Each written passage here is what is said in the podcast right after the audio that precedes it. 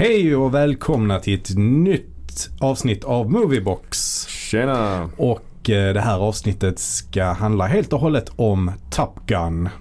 Ja. Så det är alltså två filmer vi ska diskutera idag. Top Gun från 1986 och Top Gun kolon Maverick från eh, 2022. Just det. Och eh, det här är ju filmer som kanske inte behöver presenteras så mycket närmare för det är ganska många som vet vad det är för något och många som har sett i alla fall den första. Men jag tänkte börja med att kolla med dig Karsten. Mm. Vad har du för relation till eh, den första Top Gun-filmen? Ja, alltså det är ju en rätt så stark relation. Alltså det var en film jag såg väldigt tidigt. Ett väldigt tidigt filmminne. Jag skulle säga att kanske ett av de tidigaste filmminnena av en film som uppenbart inte var gjord för barn. Mm. Alltså jag såg den, den var inte gjord för barn och den var inte en gammal film när jag såg den.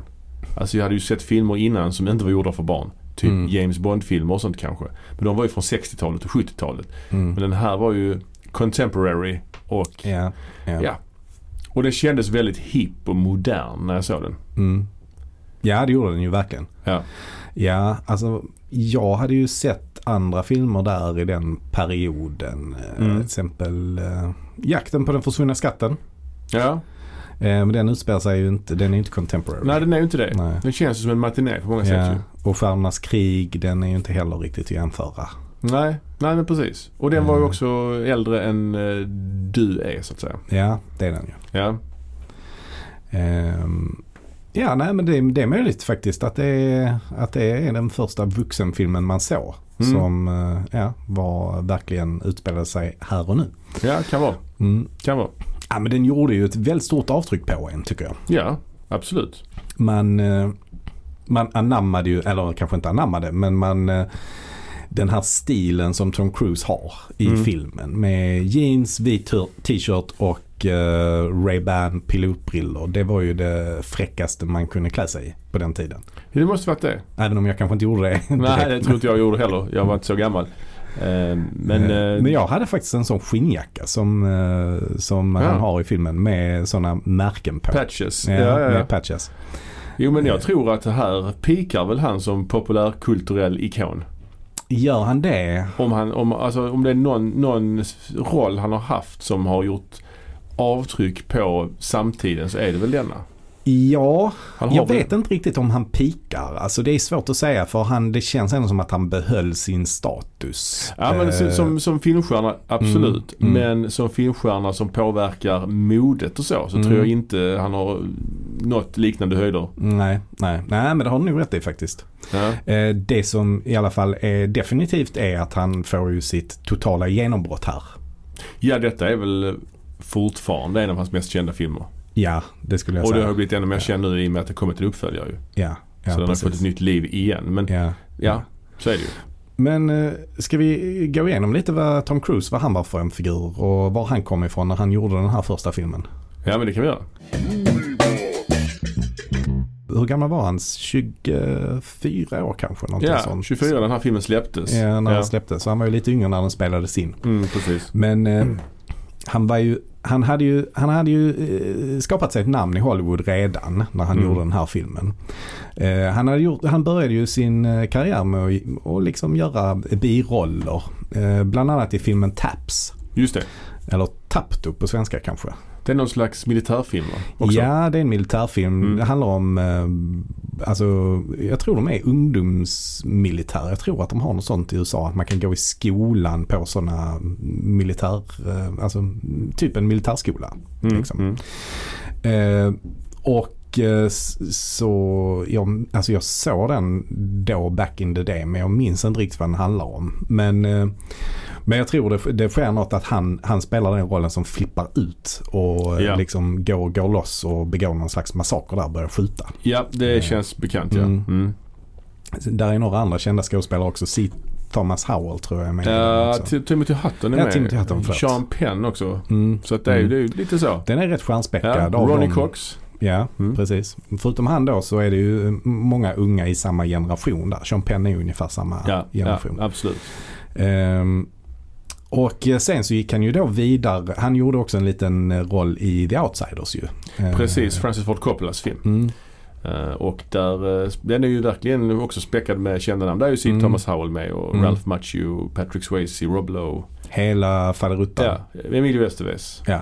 Ja. Patrick Swayze sa han redan kanske. Ja, han sa du. Ja, Han sa du. ja där är Eh, många med. Men han utmärker sig, även om det är en liten roll han har i den filmen så utmärker han sig ju ändå. Alltså, han Mm. har en slags eh, energi kan man säga. Han är en intensiv person. Intensiv, redan ja. då. Redan då. Mm. Ja. Och sen fick han ju sitt stora genombrott kanske Mm. i filmen Risky Business. Mm.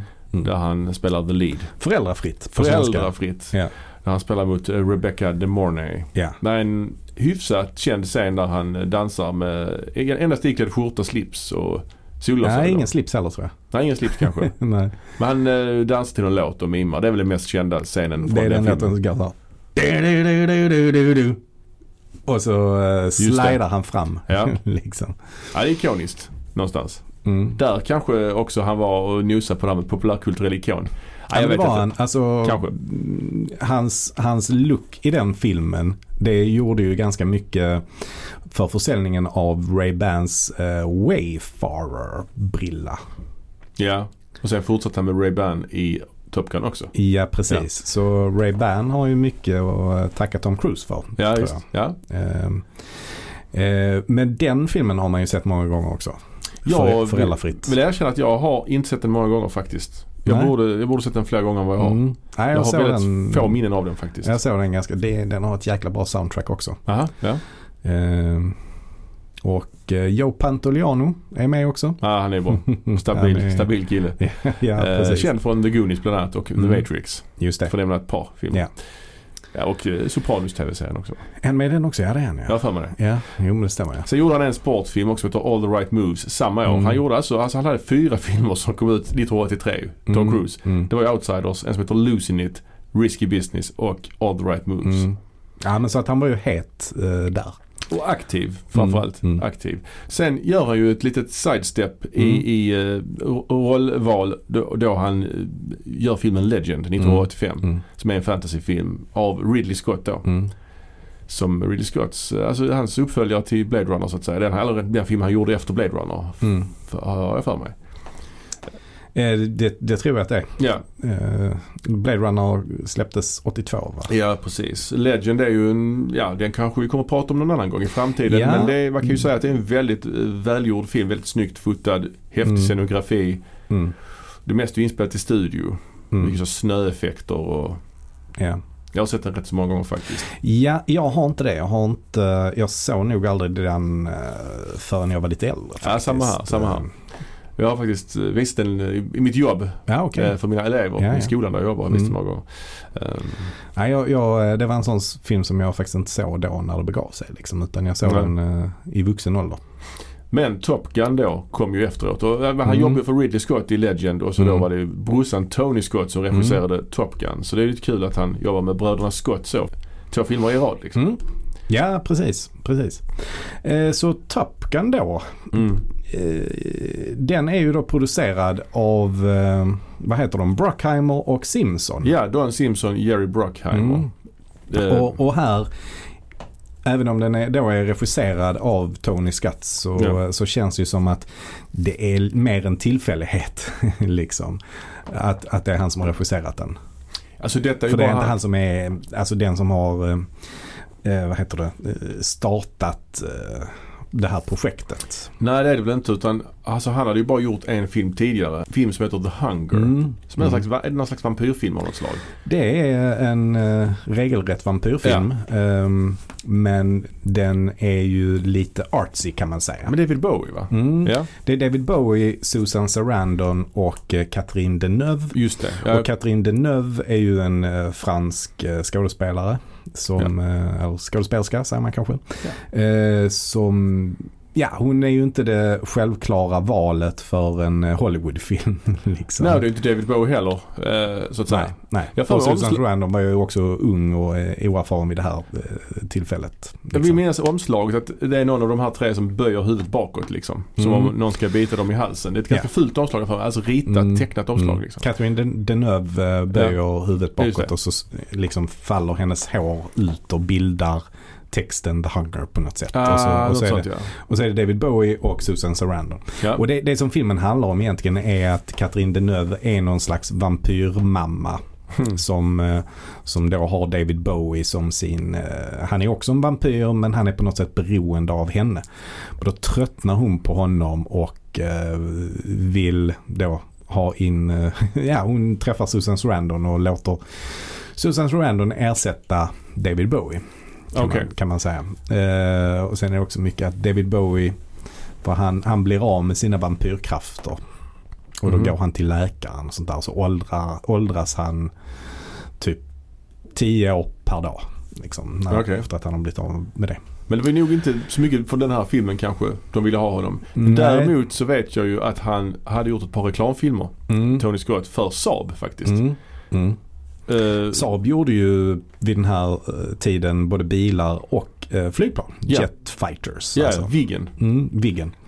Och då gjorde han ju bilreklam då där även de här Viggen-planen Ja. fanns med. Och då såg de på något sätt, de fick Mm. ta på de här reklamfilmerna. Mm. Och då Mm. visade det sig att han var väldigt duktig på att filma stridsflygplan helt enkelt. Ja, precis. Så så de Precis. fick honom med på tåget. Ja, det var det. Men han, alltså han hade ju... Han, han kom egentligen från en eh, konstbakgrund tror jag. Alltså han hade Mm. gått på konstskola och så i England. Mm. Eh, och sen så hängde han med sin bror till, till Hollywood och där så gjorde han ganska mycket reklamfilmer. Han gjorde ju även för Pepsi tror jag och, och eh, mycket annat också. Ja.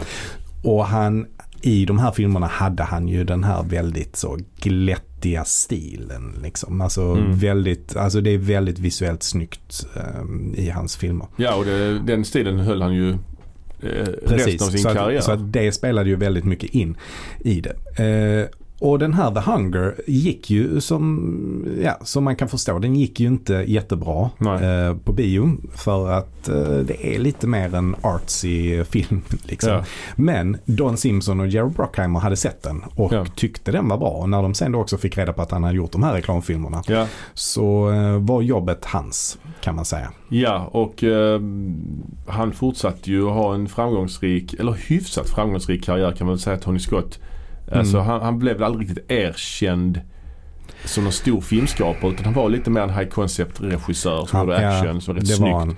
Han gjorde ju Beverly Hills Cop 2 efter den här Top Gun. Ja. Som också var en Det Simpson... tänker man inte på att det är han som har gjort det. Nej, tvåan just också. Nej, inte nej. ettan. För det är ju Martin Brest har jag för mig. Ja det är det. Just det. Eh, och sen gjorde han ju Revenge med Kevin Costner som är lite som mindre film. Den har jag faktiskt aldrig sett. Ja, jag har sett den en gång. Men, Ja. Och sen gjorde han Days of Thunder också med Tom Cruise. Det är Ja. Top Gun på jul liksom. Mm.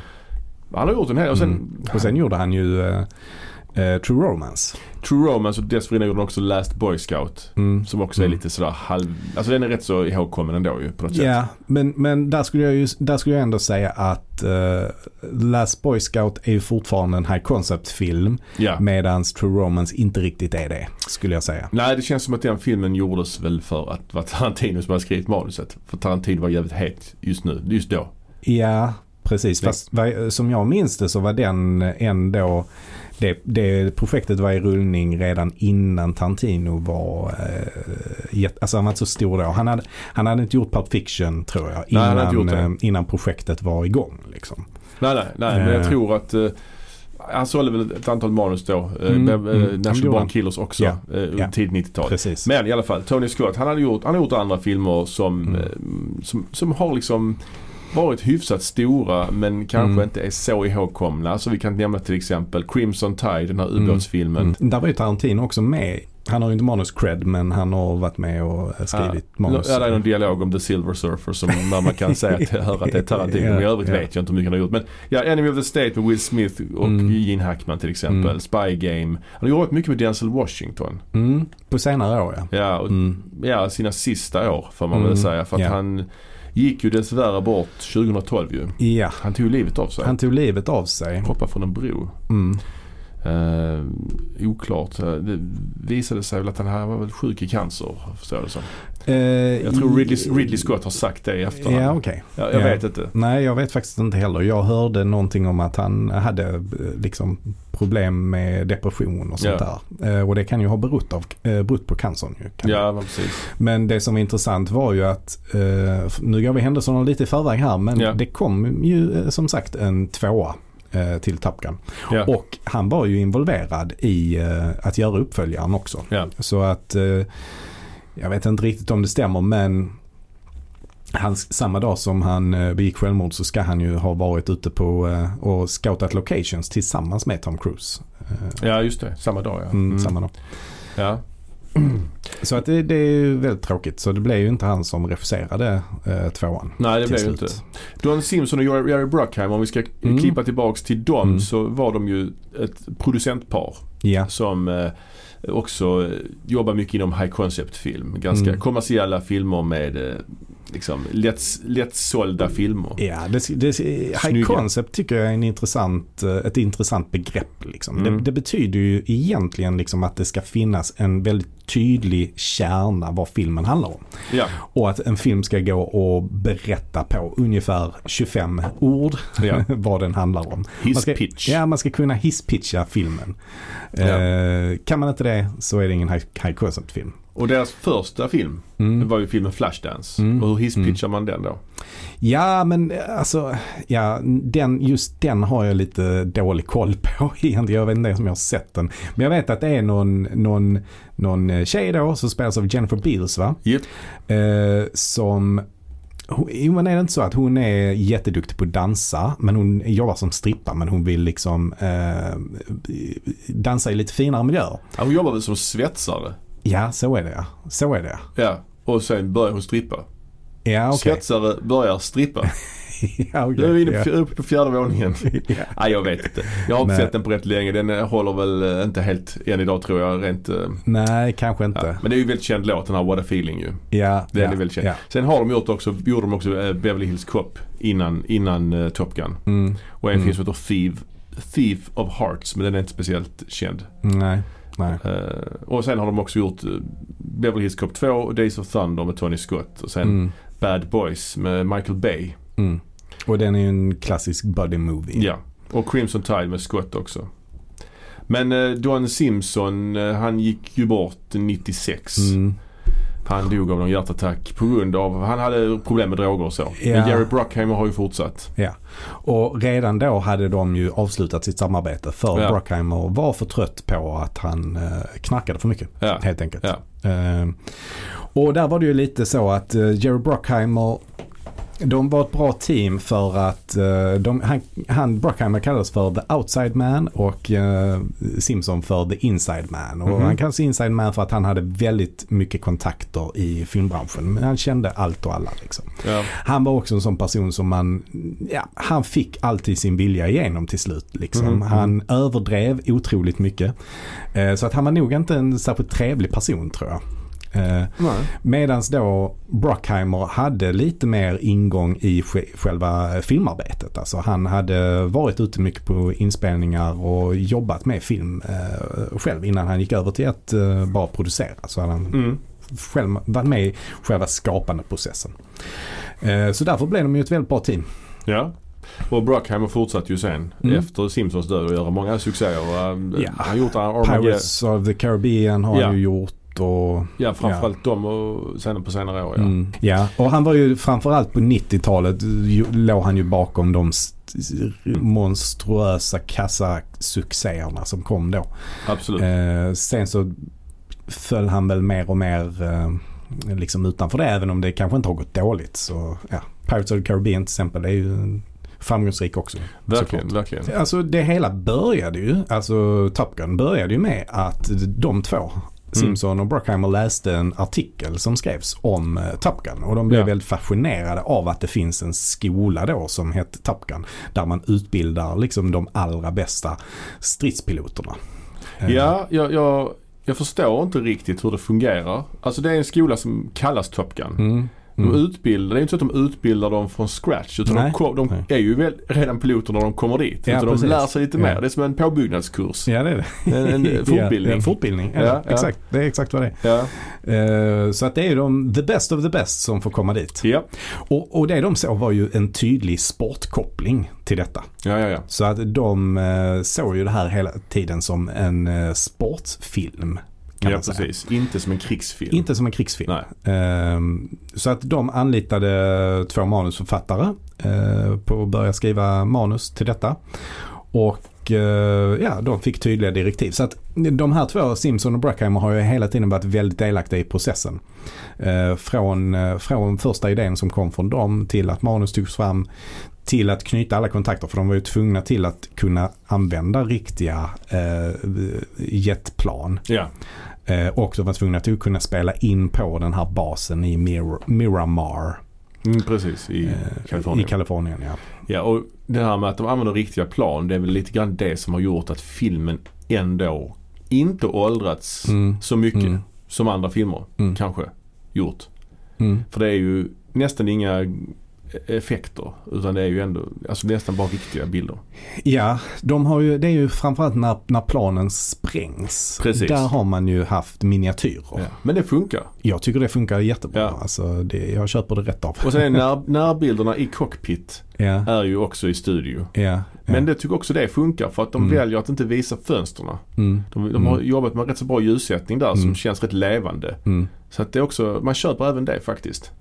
Mm, mm. Så det, är lite som vi pratade om när vi snackade om Alien här förleden. Att det är Mm. inte så mycket fönsterbilder i Alien heller. Nej. Man känner ändå att rymden är där ute. Lite grann Ja. här samma sak. Ja. Man känner att, liksom, att de är högt uppe i, i, i luften fast man Mm. behöver inte se det nödvändigtvis. Och när man väl ser det då är det ju en riktig bild Mm. på dem. De anlitade ju också en, eh, vad ska man säga, en technical advisor som heter Pete Viper Pettigrew. Och det namnet Pete Pettigrew känner du igen? Ja, men jag kan inte riktigt placera det. Ja det är ju då han i Harry Potter va? Han Jaha. som är Voldemorts hantlangare. Han som har under flera, flera första böckerna då har klätt ut sig till Rons råtta. Jaha, Så Ron Okej. har ju då en råtta i byxorna som egentligen är en uh, medelålders man som ligger nära hans skrev. uh, ja, jag, jag tolkar det, jag, jag vet Eh, inte det. Jag, jag, men sen, sen detta var för mycket Karsten. Ja men ja, det, det var det. Men eh, jag tolkar det som att uh, Allt står inte rätt till hos hon J.K. Rowling. dels det men också att hon måste ju ha sett den här filmen, kollat i eftertexterna och skrivit upp det här namnet och använt det när hon Ja. skrev Harry Potter så måste det ju varit. Ja, absolut. Hon måste även också sett filmen Troll. Där heter pappan heter just Harry Potter. Just det, ja, så måste det vara. Ja. Ja, eh, men i alla fall han har då call sign Viper Ja. eh, på riktigt. Och det finns ju en karaktär då i eh, Top Gun som också har det call signet. Ja, spelas av Tom Skerritt Mm. från just Alien som jag nämnde precis ju. Ja, det Ja. är ju märkligt hur allt hänger ihop här. Ja, det gör verkligen det. Ja. Allt har med Alien att göra från början. Ja, och exakt. och Och- eh, Troll och Det- Harry Potter. Ja, detta är väl egentligen Tom Skerritts mest kända roll efter Alien. Ja, det är det väl. Han har ju inte gjort sådär jättemycket mer. Nej, nej. Han gjorde ju, är inte han med den? Nej, jag blandar, jag blandar ju alltid ihop honom med Chris Christopherson. vet. Det sa du även i vårt Alien-avsnitt. Det är lite roligt. Lone, Lone. Star, är det han eller är det Chris Christopherson? Chris Christopherson. Ja, det är det. Ja. Fan. Ja. Fan också. Eh, vad har vi mer för skådisar i den här filmen? Val då? Kilmer. Val Kilmer är med ja. Mm, och detta blev ju också hans eh, stora eh, genombrott får man väl säga. Ja, han har bara gjort ett par grejer innan. Bland annat filmen Real Genius. Real Genius, ja. Sve- Svensk Mm. titel. Oh, nej, jag vet inte. Snilleskolan. Snilleskolan, ja ja ja. Har jag för mig. Det gick på TV1000. Kommer jag ihåg Mm. den kanalen? Mm, absolut. Det var deras ja, USP. men den tror jag gick på Filmnet också. Ja, inte kanske. Eller? Kanske det. Han Ja, var väl, eh, den här filmen Top Secret, var han med i den? eller? ja, det var han också ju. Ja, Den är ju en Sucker Abrahams Sucker Production. ja, Den de gjorde ja, efter Airplane tror jag. ja, ja. Den har man sett några gånger. Mm. Och den kom väl något år innan uh, Top Gun? Det lär han ha gjort ja. Eh, men, men han var ändå en eh, rising star kan man säga. Ja och han gjorde ju ett par eh, riktigt stora roller efter detta. Han var ju med Mm. eh, något år senare i Willow. eh, Mm. George Lucas-produktionen, fantasyfilm. Och sen senare så var han ju också med i eh, The Doors och spelade Jim, Mm. Jim Morrison. Mm. Och det är väl hans eh, absolut främsta roll måste man väl säga, eller? Ja, det skulle jag nog säga. Sen lite senare är han ju även med i Heat också. Mm, Michael Manns Heat, I ja. mitten på 90-talet. Och vi har ju pratat om honom i våra Batman-avsnitt också. Han spelar ju Batman Mm. i Batman Spelar Forever. Batman, det gör han. Som är en vä- väldigt känd roll. Mm. Men kanske just hans tolkning kanske inte är så hyllad. Nej, nej. Vad gjorde han mer? Han gjorde Helgonet. Ja, han hade där en period där på 90-talet Mm. efter The Doors när han Mm. gjorde rätt så många high profile roles. Mm. Men han har... Även med i den här filmen eh, Dr. Moreaus Ja, Island Ja, Island of Dr. Moreau Island med, Dr. med. Marlon Brando. Mm. Och han ska ju vara, har man ju hört, ganska svår att jobba med. Mm. Och det ska ju även Mm. Marlon Brando vara. Och det var ju han Ja. Ri- Richard Stanley Ja, som... stackars Richard Ja, Stanley. han fick, han fick ju kick- kicken sen. Det finns Mm. väldigt bra eh, dokumentärer Mm. om den inspelningen. Mm. Men ja, Val Kilmer i alla fall. Han Mm. spelar då Iceman som är liksom inte, ant, ja, lite antagonistisk är han ju. Men han är ju liksom konkurrenten till, till eh, då Tom Cruise karaktär Maverick. Just det. För det är ju så att Maverick och hans då andre pilot, heter det va? Mm. Goose, som spelas av Anthony Edwards. Mest känd från den här City-akuten va? Efteråt. Ja, på senare år är han ju det. Jag Mm. vet inte vad, men han eh, tycker ändå han har gjort mer grejer på 80-talet också, eller? Har han? Kanske.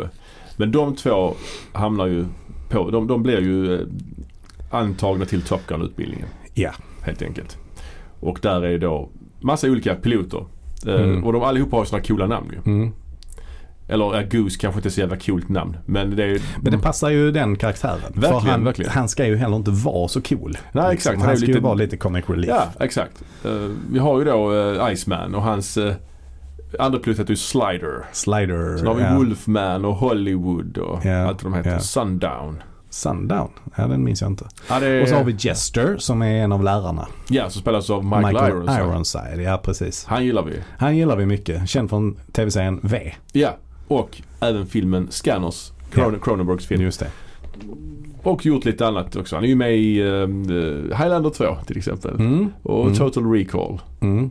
Starship Troopers. Mm. Ja, det list goes on. Ja, starkt. Eh, men han är, en, han är en favorit faktiskt. the, Han, ne- the eh, Next Karate Kid. Är han med i den också? Ja det är han väl. Det är väl han som är den här typ, har, han, den här nazistplutonen på high schoolen där. Ja, det kan, kan vara så. Jag tror det det, där är en film jag har valt att eh, liksom söka förtränga Ja. från mitt, eh, min, min hornhinna. Men du, för din hornhinna, men du kan all, alltid lyssna om vårt gamla avsnitt om just Karate Kid-serien om du vill eh, ja, få Jag får väl göra det. Ja, för ja, vi har också Kelly McGillis som Just det. spelar, eh, hon får ju top billing här, eller top billing, men hon, hon och Tom Cruise står ju Ja. eh, ovanför titeln på planschen. Mm. Fast hennes roll inte är jättestor. Eh, jo, ja, men hon är ändå med ganska mycket faktiskt. Alltså. Ja, men hon är ju ingen drivande karaktär. Hon är Nej, ju bara the är love inte. interest i filmen. Ja, Hon var Ja. väl lite semi-stor här. Hon har ju varit med i den här Vittne till mord? Witness med ja. Harrison Ford. Harrison Ford ja. Amish-filmen. Mm. Sen vet jag inte vad hon mer har gjort. Hon, alltså hon har gjort den här eh, The Accused, anklagad med Mm. Jodie Foster, hennes första Oscarsroll. Mm. Men jag vet inte vad mer, hon mer har gjort faktiskt. Nej, nej. Jag, eh, jag vet inte heller. Men hon var ju en sån skådespelerska som var väldigt stor på 80-talet och sen försvann. Det finns ju några fler sådana. Uh, Kathleen Turner är en sån som jag Mm. liksom kopplar ihop henne med lite grann. Och Deborah Winger är väl också en sån som försvann. Liksom. Just Kelly McGillis har hon gjort hon har inte gjort så, alltså, så mycket mer. Hon är typ bara känd för den här filmen. Och eh, anklagad möjligtvis. The Accused. Men ja. En annan skådis som är med i filmen är ju betydligt mer känd. Och det är Mm. ju Meg Ryan. Mm. Hon spelar ju en väldigt liten roll här som Goose fru. Hon är bara med ett par scener. Liksom. Mm. Ja, men jag tror detta är hennes eh, första, i alla fall lite större roll. Liksom. Kan vara. Jag tror att hon har såpoperor innan kanske. Ja eller så. precis, jo Ja, men ja. hon- det är det jag menar. Hon kom ju från eh, tv och, Mm. och detta var hennes första filmroll som var lite större. Liksom. Kanske hon Ja. har ju varit med i något annat litet sammanhang någonstans. Ja. Men, Hon blev ju jättestor efter detta. Mm. Hon blev riktigt romcom-drottning med Harry, Harry mötte Sally och allt ja det precis. När kom, Sleepless in Seattle, eller? jo, jo, Ja. jo. Och sen You Got Mail. Just det. Så att hon eh, var ju verkligen eh, ja, sammanknippad med den genren, romcom. Ja. Eh, tills hon då valde att göra mm, liksom en annan slags genre. Mm. Eh, och då gjorde hon ju den här In the Cut. Just det. Eh, som är Jane Campions eh, ja, en, en av hennes eh, filmer som hon gjorde efter pianot. Men den gick ju inte alls eh, bra. Har den med boxning att göra den filmen? Nej, det tror jag inte. Nej. Inte vad jag minns. Nej. Det är någon slags eh, erotisk thriller tror Ja. jag. Hon gjorde faktiskt en annan film också som var lite out of character. Där hon faktiskt Mm. spelade mot Val Kilmer och det var just i filmen The Doors. Där spelar Ja, hon ju Jim. Morrisons uh, flickvän Mm, just Pam. det. Ja. Så att där var hon också lite mer, en lite mer dekadent roll helt Mm, enkelt. Mm, mm. Ja, precis. Nu, numera är hennes Men, son rätt känd för sin roll. Han, vad heter han? Jack Quaid. Jack Quaid, Han ja. är med i den ja. här The Boys. Ja. Ja. Mm. Och var det inte Scream också? Den Jo, Scream, senaste senaste Scream, Scream. ja. Ja. Sen har vi en väldigt känd skådis också som är med i en väldigt liten roll och det är ju Tim Robbins. Mm. Han är ju också en Mm. av piloterna, Mm, Merlin. Merlin, ja precis. Han är med i början av filmen Ja. och i slutet av filmen. Mm. Lite konstigt. Konstig, Det är en eh, konstig ordning. Konst, konstig ordning där att han, han känns verkligen som en stand-in bara liksom. sådär. Ja, ja. Ja. Vi kan ju också, eh, bara- får jag bara nämna ett namn till som jag tycker om. Ja, som du också tycker om vet jag. Ja. Det är ju James Tolkan. James Tolkan, Ja. ja. Att vi missar honom. Ja, den, eh, Han gör ju ett riktigt bra avtryck i den här filmen tycker jag. Han är detta hans bästa roll kanske? Jag tror det. Jag, Ja, jag, vill, se- Mm. jag säger att det, denna, han är, det är över eh, Tillbaka till framtiden här alltså. Ja, kanske bättre än Tillbaka till framtiden här. Jag vet inte, han spelar ju alltid arg, eh, cigarrrökande eh, auktoritet liksom. Ja. Och så även här då. Han spelar Mm, någon slags, mm. inte, men han är någon chef på Ah, hangarfartyget i början. hangar, hangarbåtschef. Kapten Hangarbarnschef. kanske. Kapten Ja. på båten. Eh, ja men han är ju chef då i alla fall över Tom Cruise. Ja. Eh, och eh, Goose alltså. Mm. Och eh, då får de sig en redig, redig utskällning. För Tom Cruise, redan i de första scenerna så visar Tom Cruise vad han är för en slags karaktär. Ja, de etablerar direkt liksom att när de frågar, de, de, är ju ute på i Stilla havet och där, Mm, där är liksom mm. några flygplan, fiendeflygplan i närheten. Så frågar han vilka plan har vi uppe? Ja vi har Maverick och Goose. Åh nej. liksom, och, och hur dåliga kan de vara om de liksom ändå är piloter Ja, i flottan? Det är jättekonstigt. Ja, men han, han eh, syftar väl på det att eh, Tom Cruise är en uh, hotshot som gör som han själv tycker liksom. Och Ja. lyder inte order nödvändigtvis om han inte själv känner för det. Nej. Utan han, han bestämmer rätt mycket själv vad han ska göra. Eh, Och det är ju därför han inte är så omtyckt. Men däremot i det andra planet som är uppe så sitter ju då um, Cougar och Mm. Merlin. precis. Eh, och, eh, och de är ju lite mer, de är ju de som är rankade bäst så att säga. Mest omtyckta. Ja. Eh, och så råkar ju då Cougar ut för, han får någon slags posttraumatisk stress där efter Ja. den här dogfighten de har. Ja, de är, han är ju nära, alltså den här fiendeplanet får ju honom i sikte Mm, och mm. han är nära att Ja. dö där helt enkelt. Ja. Och eh, ja, då blir han stressad eh, över det och eh, bestämmer sig då för att eh, lämna in sina vingar och uh, säga upp sig helt enkelt. Precis. Och det betyder ju då att eh, Maverick och Goose är nummer två. Eh, eller rättare sagt nu blir de då nummer ett Ja, när han har sagt upp sig. Får hans plats då. Ja. Att an, han blir antagna till Top Mm, Gun-utbildningen. mm. Men jag vill bara också poängtera, alltså inledningen på den här filmen. Mm. Du sa att det var det här med alltså, sportfilm. Mm. Mm. Att man inleder ju filmen med eh, väldigt snygga bilder på plan som lyfter. Mm. Man, har, man inleder ju först på det här klassiska eh, ledmotivet.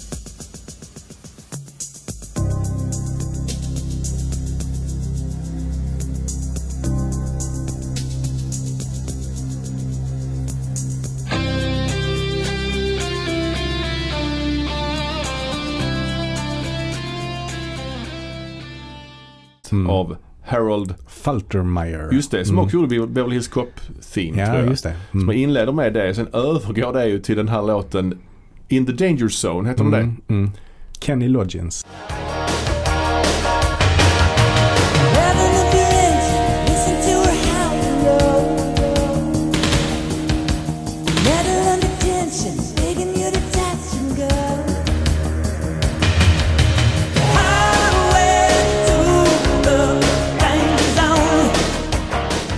Kenny Loggins Ja, the Danger ja. Och man får se flygplanen de lyfter och folk, de här som, eh, vad heter de som Ingen aning vad de heter Flyg- men de är tekniker kanske. Ja, de high-fivar varandra varje gång ett plan Ja, lyfter och ja, landar. Så man ja. etablerar att det är jävligt coolt med flygplan. Ja. Det är liksom och, en det, fest. och typ. det ser ju också väldigt, väldigt snyggt ut. Ja, det, är, det är ju- det är ju- glättigt reklamfilmsfotografi här. Det är mycket motljus hela tiden. Ja, solnedgång eller uppgång. sol, ja, precis. det. Det är orange himmel och det är väldigt, väldigt mörkt eh, Ja, hela tiden.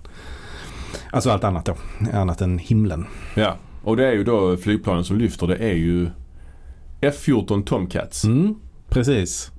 Det är lite Det- kul eftersom eh, Tom, Tom Cruise, han var ju gift med Katie Holmes under en period och då kallades de som för Tomcat som powerpar. Ja. ja, just det. Jag Så hade ju, vara. jag tror jag hade, jag hade faktiskt en kort eh, modellbyggarkarriär. Ja, Karriär är starkt att säga men int- ett intresse som var väldigt kortvarigt. Ja, och då ja. för mig jag hade en sån här F-14 jag Tomcat. också. Mitt, mitt, eh, mitt intresse för det bestod av att bygga ett enda plan. Och då var det just det planet Ja. som jag byggde. Kanske det mest sålda. Jag vet inte. Säkert. Ja. Det såldes nog till många killar i vår ålder. Ja, precis. Men ja, filmens story är väl de flesta bekanta med. Ja. Eh, De blir antagna efter den här eh, incidenten så blir de antagna och skickade till Top Gun-skolan. Eh, De, blir, de gör ju också en väldigt eh, så här riskabel manöver när de är, gör det här första uppdraget. Och det är då att de, ja, och det är ju också en super, super klassisk scen. När de eh, ligger med liksom, Tom Cruise kör upp och ner, Ja. felvänd liksom. ovanför. Och så är han en och en halv meter ovanför MIG-planet. Precis. Och så räcker han finger till eh, den här eh, sovjetiska piloten då. Ja, eller om de nu är sovjeter. Det nämns ju aldrig vilket land Nämns det det är. aldrig? Nej, De det har en röd stjärna dock Ja, på sitt, ja, sin, syrgasmask. Så att något form av kommunistland är det Mm. kanske. Nordkorea kanske. Ja. Och, och sen tar de också en polaroidbild på honom. Ja, precis. Varför ha en polaroidkamera med sig? ja, men det måste man ha där. ja, det måste man kanske. Ja, det kanske Ja, måste. det har man. Ja. De, blir Saker an, man har. de blir antagna till Top Gun. Mm. Det är väldigt macho.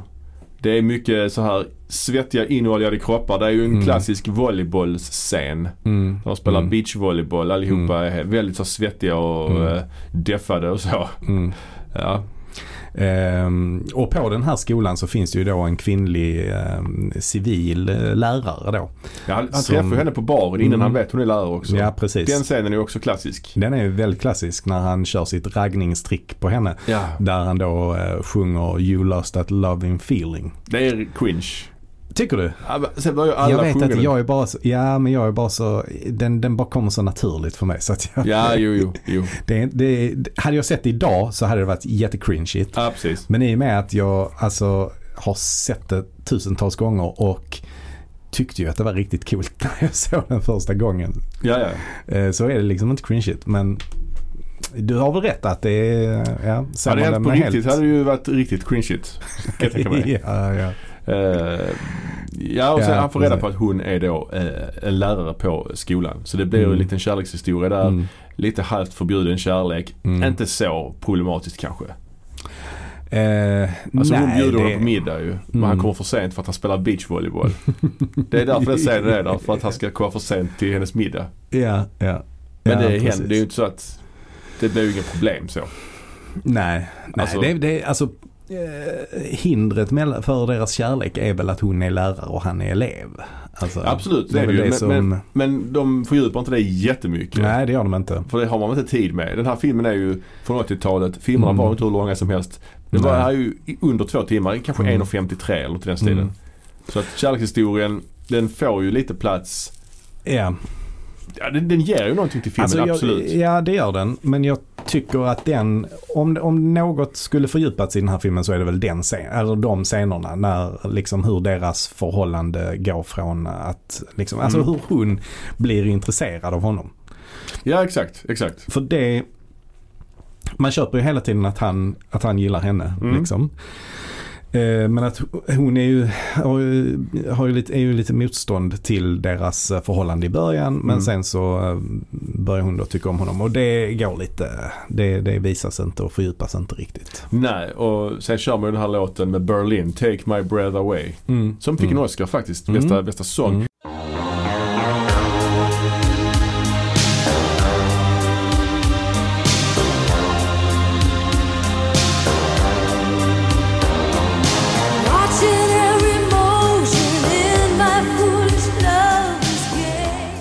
Den låten är ju med jättemycket i filmen. Ja, den är med Alltså, flera det, gånger. det är inte alls lika vanligt idag.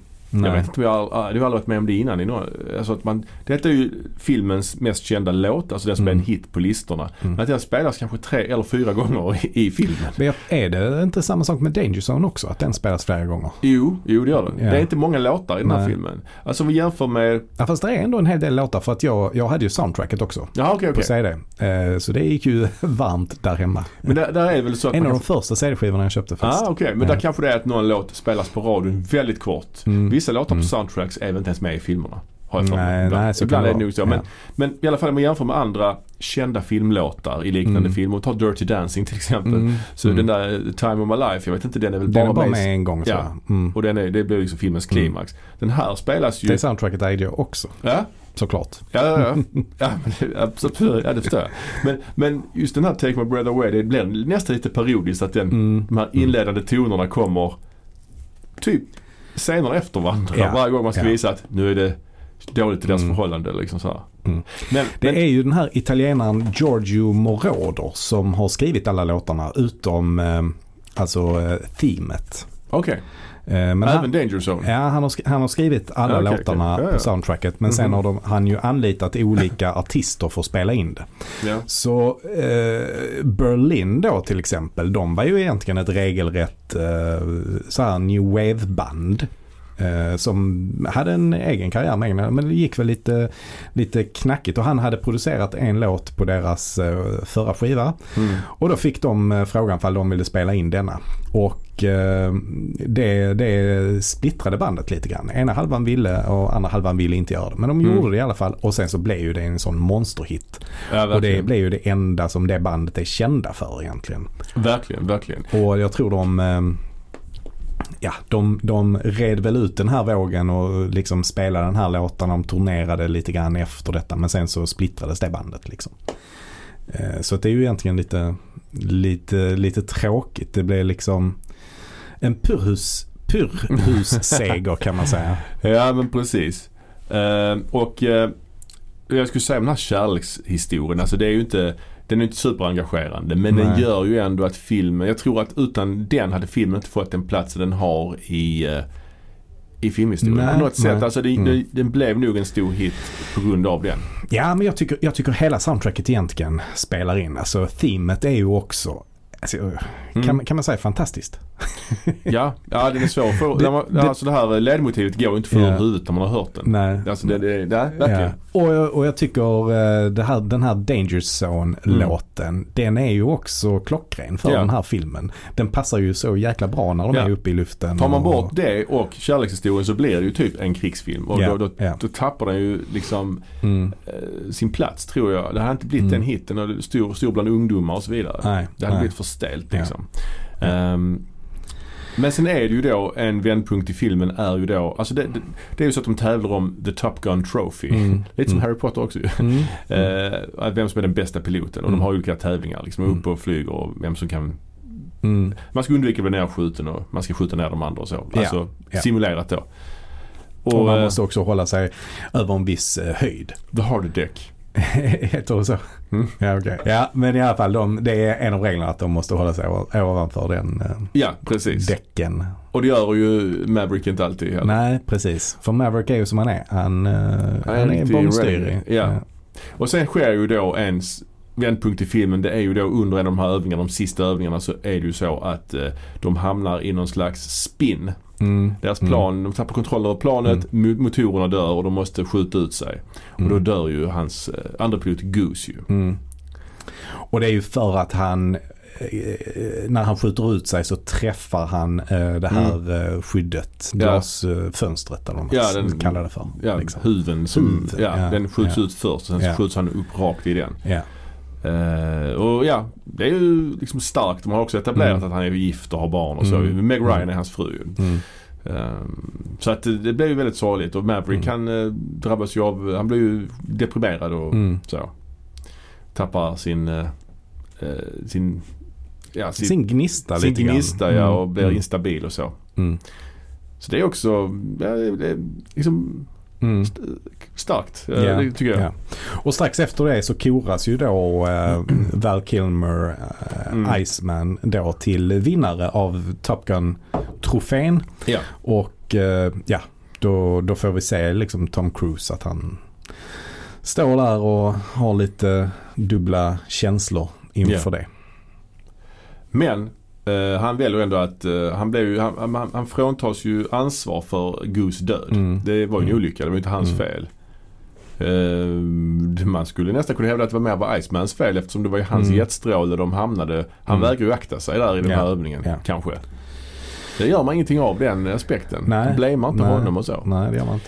Men sen efter de har eh, tagit eh, graduation så blir de Mm. inkallade till, till Stilla havet att Mm. utföra ett riktigt uppdrag. Och då blir Maverick också, får han också följa med. Mm. Då blir han ihopparad med den här Merlin, Tim Robbins som var med i början av Ja. filmen också. För han är ju också utan en... eh, han blev ju också lämnad precis i början Ja, av Cougar då som sa upp sig. precis. Sen är han inte med i hela filmen. Men, eh, Jag tycker det är konstigt ja, att de inte parar ihop honom med Ja, någon som är i klassen. Ja, precis. Varför tog de inte med honom där? Det borde de gjort ju. Det är också Faktiskt. en märklig scen, förlåt, innan när Maverick hoppar av. Eller han hopp, liksom, Mm. när han är som mest nere. Så får Mm. man följa den här karaktären Wolfman helt plötsligt. Som Mm. inte, man knappt vet hur han ser ut. Mm. Att han ringer någon och säger att Maverick har slutat. Ja, just det. Det är jättekonstigt. det. Ja, det är konstigt. Att man bara fokuserar på Vem honom. är helt plötsligt. Wolfman nu? Är det han med hatten eller cowboyhatten? Jag tror det. Ja, ja. Det är två. Eller är det Hollywood? Det är jag de två inte. är ju i samma plan. Ja, ja, Det är ju de två. Så det är Slider Iceman och så är det Ja. Maverick och Goose då. ja. Det är ju de tre Ja, mest kända. ja precis. Och de- men sen är det ju ytterligare fler. Är men fler de är... Men det är just Hollywood och eh, Wolfman, Iceman och Mm. eh, Slider som skickas nu till, till det här sista uppdraget. Ja, liksom. ja. Och Maverick Ja. blir ihopparad med, med Merlin. Mm. Och de blir övermannade av MIGs där ju. Massa eh, fiendeplan. Mm. Och Hollywood Mm. blir nerskjuten. Man överlever ju. Och Iceman Mm. är själv kvar och då Mm. kommer Maverick dit. Och, Ja, precis. Ja. Saves the day och Mm. eh, skjuter ner, eh, är det fyra plan han skjuter ner eller tre plan? Tre tror jag i alla fall. Ja, Mm. tre plan skjuter han ner. ja. Eh, Så han verkligen eh, räddar, räddar dagen. Precis. Eh, och sen så när de kommer ner igen på hangarfartyget så till slut så sluter eh, Maverick och Iceman fred med varandra. Ja, och alla jublar och och, och, eh, kramas. Och alla jublar. Och, ja, Ja. Det, är, ja, det är ett tufft slut ändå. Han, han, ja, och sen kastar han i slutet också ut uh, Goose sådana här ID-brickor i havet. Mm. Han har dem i handen när han Mm. flyger och säger Mm. “Talk to me Goose”. Ja, ja. Det är också fint. Ja, ja, men det är jättefint. Ja, det säger han ju flera gånger i filmen. Ja. Talk to me goose. Liksom. Och i slutet av filmen så återförenas han också med Kelly McGillis där. På. Mm. Hon lägger in ett mynt i jukeboxen som börjar Mm. spela “You've lost that loving feeling”. Ja, ja. Ja, det, det, det är fint. Vad, vad, vad säger vi? Vad tycker du om den här filmen nu då? ja, Så här många år efter. Alltså, du har ju sett den många gånger. Mm. Jag har sett den många Mm. gånger. Men det är först nu vi har sett om den ju. I samband med att den nya filmen kom. Ja, men jag har ju sett den otroligt många gånger och jag, ja vad ska man säga, alltså nostalgin på något sätt det är svårt att inte liksom att, att alltså, alltså, frånskriva sig den helt och hållet tycker jag. Så jag gillar den här filmen jättemycket faktiskt. Ja men jag också. Det, det, det är Eh, svårt att frånskriva sig nostalgin. Jag tycker dock att den jag tycker fan ändå att när jag försöker Mm. så tycker jag ändå den håller. Visst den är väldigt macho, macho Mm. men jag tycker ändå den håller på många sätt. Inte Mm. minst på grund av att det är gjort på riktigt så mycket av det. Mm, mm, Det kom en annan film samma år med samma Mm. tema som heter Iron Eagle. Mm. Den kom ju också 1986. Den har jag Mm. inte sett på väldigt länge men det minns jag som betydligt sämre. mm. Ehm, ja det, det är det väl. Ja, men, Ja. men, men, ehm, men jag känner ändå mycket att den, sämre actionscener i den Ja, minns jag. ja. Och, och sen är han ju inte heller lika, han är väl ingen eh, militär har jag för mig. Han eh, som Nej, flyger planen liksom. Han Tror inte det. Nej, jag har för mig det. är Något sånt. men eh, den här Louis är, Jr är väl eh, militär. Men jag tror att de Mm. gör sådana egna uppdrag eller något sånt där. Kan vara så. Mig. Ja. kan vara så. Ehm, Ja, men- nej men alltså det finns så mycket att, att gilla här. Alltså jag Ja. tycker ju musiken lirar så himla bra ihop med filmen. Ja. Även om musiken i sig kanske inte, det är inget jag lyssnar på idag så tycker jag ändå det är bra musik. Alltså. Absolut. Hela, hela stilen på filmen känns så klockren. Men, Sådana små grejer som att, att de är svettiga hela tiden. ja, Hela ja. tiden så är de eh, liksom så fuktiga och svett. Har solbrillor på sig. Har solbrillor på sig, spelar volleyboll, Ja. liksom flexar med musklerna och jag tycker det är bra, bra skådespeleri för vad det är för slags film. Den är ju också på många sätt en kalla kriget-film. Och Ja, eh, ja. propagandafilm egentligen för amerikanska flottan Mm. eller flygvapnet eller Mm. vad som helst. Det var ju så att de ansökningarna eh, ökar ju markant Mm. efter att den här filmen kom ut. Mm. Det gjorde det verkligen. Där får ju den här filmen alltid jättemycket kritik Mm. för folk som, eh, ja, militärer då framförallt eh, säger ja men militären skulle aldrig anta en sån person som Maverick som är impulsiv och inte kan följa regler. Just det. nej, nej det, det stämmer säkert men av alla de som sökte liksom Mm. det var ju inte säkert att alla, bara för att man tycker det är en bra film och blir motiverad att söka så är det inte säkert att man inte kan lära sig att hålla koll på sina impulser och följa, följa order liksom. Nej, nej, nej. Absolut. Ehm, Men det är väl det som kanske är en, en slags kritik att de känns inte helt trovärdiga. nej, det är ju lite... Man kan, man kan koppla ihop det lite med Aliens. Eh, Ja. för den, Samma år också. Mm. Ja precis. De, de, eh, marin, de är väl också marinsoldater, är de inte det? Jo. Marines. Colonial Marines. Eh, Colonial Marines.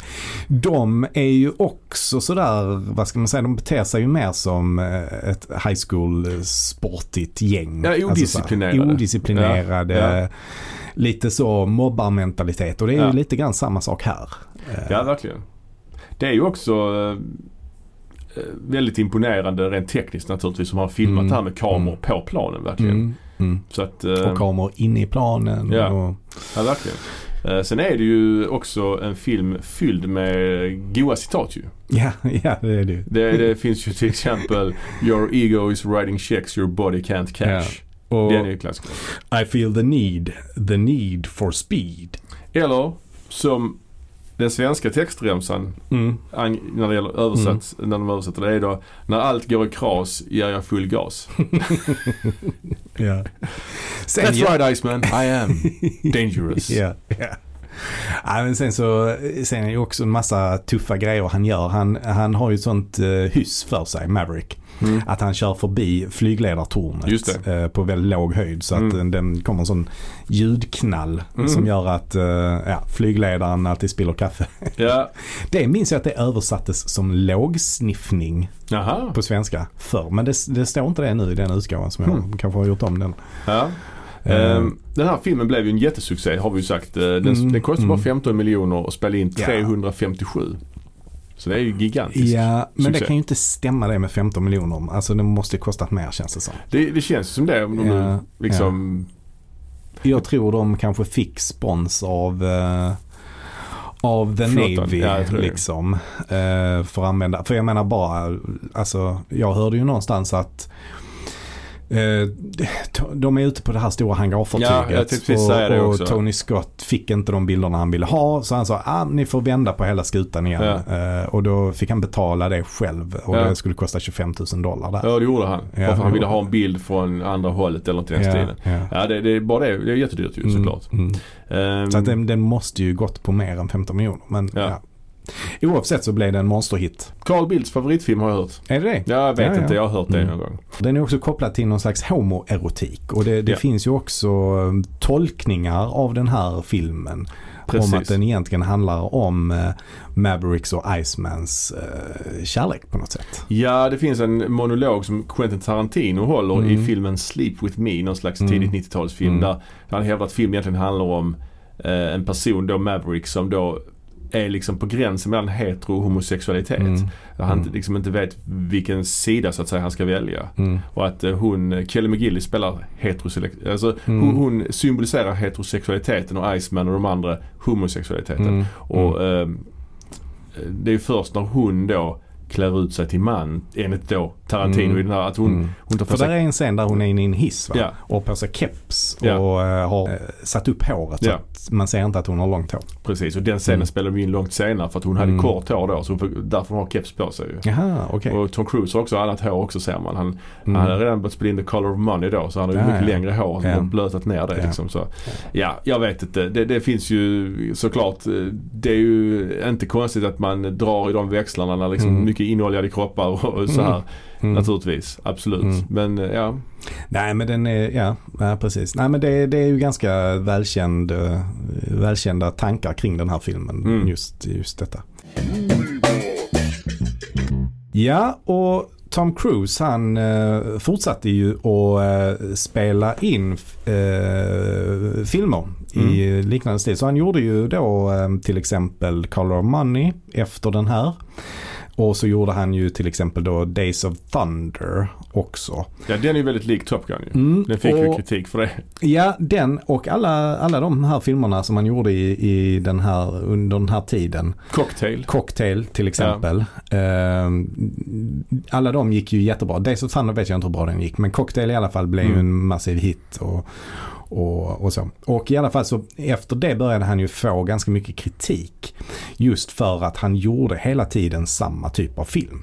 Mm. Och dessutom så var han ju också, redan i Top Gun var han ganska involverad i eh, produktionen, liksom Mm, produktionsarbetet. Han, eh, så att, trots att han var rätt så ung så, eh, så var han väldigt målmedveten och eh, var med och styrde och liksom påverkade manus och sånt där ganska mycket. Ja, men precis. Eh, Men i alla fall så efter att ha gjort eh, då de här fyra filmerna så så såg man likheter mellan dem. Och det är att han spelade ju alltid samma typ av karaktär. Ja. En ganska impulsiv och lite busig ung kille Mm. som alltid har en kvinna vid sin sida som är den här lite lugnande, vad ska man säga, så här svala kvinnan då som Mm. håller tillbaka honom lite grann. Och så har, finns ju alltid en lite äldre, eh, vad ska man säga, läromästare med. I uh, Call of Money är det ju Paul Newman. Paul Newman Mm. och Cocktail är det Brian Brown eh, och så vidare. Ja, Days of Thunder är det ju Robert Duvall. Den Mm, kom ju lite mm. senare dock. Men ja. Mm. Ehm, och eh, sen så, det som är grejen är ju att det finns ju alltid någon form av, eh, vad ska man kalla det för, någon manik. I, i Top Gun är det flygplanen, Mm. i, eh, i Call of Money är det biljard och i Cocktail så är det den här shakern han gör cocktails med till exempel. Ja men är Alltså, en, en färdighet en han ska färdighet. bemästra. Liksom. Han ska bli Mm, bäst mm. på ett visst ja, ja. yrke egentligen. Ja, han har ju då försökt alltså, göra lite mer seriösa eh, roller också. Han gjorde ju till exempel Born on the 4th of July eh, efter Color of Money tror jag. Som han blev Oscars-nominerad för. Där han då spelar den här eh, Vietnamveteranen Ron Kovic. Och det är Oliver Stones eh, andra Vietnamfilm efter Plutonen. Och sen gjorde han en tredje också va? Efter det. Ja, Heaven and Earth. Den har jag faktiskt aldrig sett. Ja, jag har sett den en gång. Minns Ja. den som ganska bra. Det är med Tommy Lee Jones som Ja. spelar och Joan Chen bland annat. Ja, ja. Det handlar om en kvinna som blir eh, gift med, alltså en Mm. vietnamesisk kvinna som gift sig med en amerikansk soldat. Och så han- flyttar de till USA Ja, och så och blev han- hon inte accepterad riktigt. Ja och han har massa P- PTSD och sånt. Och, ja. minns den som ganska bra men det är absolut den minst hyllade av dem ju. Mm, Eh, Plutonen är ju superhyllad. Mm. För den 4 juli superhyllad. Mm. Sen gjorde ju Tom Cruise också för, för en gångs skull eh, inte, ja, en huvudroll är det väl typ i och för sig men han får inte toppbilling i filmen Rain Man. Mm. Mm. Eh, som är en klassiker också ju, som vann Oscar för bästa film. Mm. Men det var väl det att han ville eh, vara med i projekt där han kände att han kunde lära sig någonting Ja, också. Så ja. därför ville han gärna jobba med Paul Newman till exempel Ja. och sen med Dustin Hoffman där i den. Och han filmen. har ju, precis, och han har ju jobbat med de stora namnen också på regisidan. Han Mm. har jobbat med Mm. Coppola i Outsiders, Mm. eh, Ridley Scott i Legend, Mm. Scorsese i Color of Money till exempel. Spielberg två gånger. Ja, och även då eh, Oliver Stone och Mm. eh, även eh, Stanley Kubrick naturligtvis i Eyes Mm. Wide Shut. Mm. Och Brian Mm. De Palma i Ja, Mission. Impossible. Så att han Ja. har ju verkligen jobbat med de stora faktiskt. Mm. Inte så återkommande dock men, men nej, ändå. nej, precis. Men det blev ingen Oscar där och sen var han ju även nominerad i Magnolia. Ja, och även Jerry Maguire faktiskt. Jerry Maguire också. Ja, Så att han har haft ett par sådana. ja. Men aldrig Mm. någon Oscar. Nej, Nej. ett par Golden Globes har han fått dock. Mm, just det. Han var också Golden Globe-nominerad för sin jublade insats i filmen Tropic Thunder. Han var det? Ja, Ja, han spelar den ja, här eh, onde filmbolagschef. Ja, precis. Men där är han ju sminkad till oigenkännlighet. Baserar den på Don Simpson kanske? Ja, det skulle kunna Eller vara Rob, kanske. Bob Evans kanske? Jag vet inte. nej, det känns mer Don Simpsons än Bob Evans. Bob. Evans var ju ändå, såg inte ut så i alla fall. Nej, nej, nej. han var ju Precis. ändå lite stilig liksom. precis. Ehm, ja. Men på senare år har han ju framförallt gjort Mission Impossible-filmer. Mm. Alltså han har ju Mm. gjort, det ska ju komma sju, åt, sjuan och åttan ska ju Ja, komma snart det. liksom. Mm. Ehm, ja, nej men han har väl varvat lite grann. eh, det, det har varit en del floppar också. Night and Day till exempel Mm. var också någon sån action, uh, actionrulle med Rock- Cameron Diaz. Ja, och Rock of Ages, någon slags Mm, eh, mm. musikal. Sen har han gjort några så här Jack Reacher. De har väl Mm. gått ganska bra men de har varit ganska, så här, gått ganska obemärkt förbi ändå. För, I alla fall för mig tycker jag. Ja, det tycker jag också. Ja. Och nu är ju Jack Reacher en tv-serie på Amazon tror jag den finns. Ja, ja, ja. Eh, Med en annan skådis. Så att han har nog släppt den eh, franchisen lite grann. Ja, det har han nog. Men, om vi går vidare. Mm. Så var, men det, trots alla de här filmerna som vi har nämnt nu som han har gjort under sin långa karriär. Han har ju varit en av de, han har varit typ den bäst betalade största filmstjärnan i snart fem decennier. är det så? Ja men Ja. typ 80, 90, 00, 10 och nu 20-tal. Alltså han har ju Mm. hållit sig, han har haft en Mm, oerhört mm. lång och framgångsrik karriär. Mm. Så är det ju ändå kanske Top Gun, är kanske den filmen man förknippar honom mest med. Alltså. Mm. Och det är ändå, har ändå gjort mycket bättre rollprestationer ju, Mm. än vad han gjorde där. Men den filmen fick ju liksom ingen uppföljare. Det borde den ju ha fått långt Mm. tidigare. Mm. Men Och Jag har hört att det var han som inte ville det. ja, ja. För han ville inte bli förknippad med den rollen. Trots Ah, att han redan är ja. det. Alltså, Han gjorde ju, eh, han, har- han har ju inte gjort så många uppföljare. Alltså det är ju Mission Impossible, det är väl det enda han har gjort uppföljare Mm. till. Va? ja men det är nog. Ja. Jag har hört dock att, eh, att det ska komma en uppföljare till Cocktail. Oj. Nej, jag skojar bara. Ja. Men det hade varit roligt om det skulle komma en uppföljare till Cocktail. Ja. Du vet eh, nu för tiden så döper man ju inte filmer till eh, Top Gun 2 eller Jurassic World 7 eller vad det nu kan vara. Utan, 5. utan man skriver ju så här Top Gun kolon Maverick. Just det. Vet, vet, vad, vad tycker du att Cocktail skulle heta då? Ja, det, det surprise me alltså. Jag inte. Det här är mitt förslag. Cocktail kolon The Mixologist.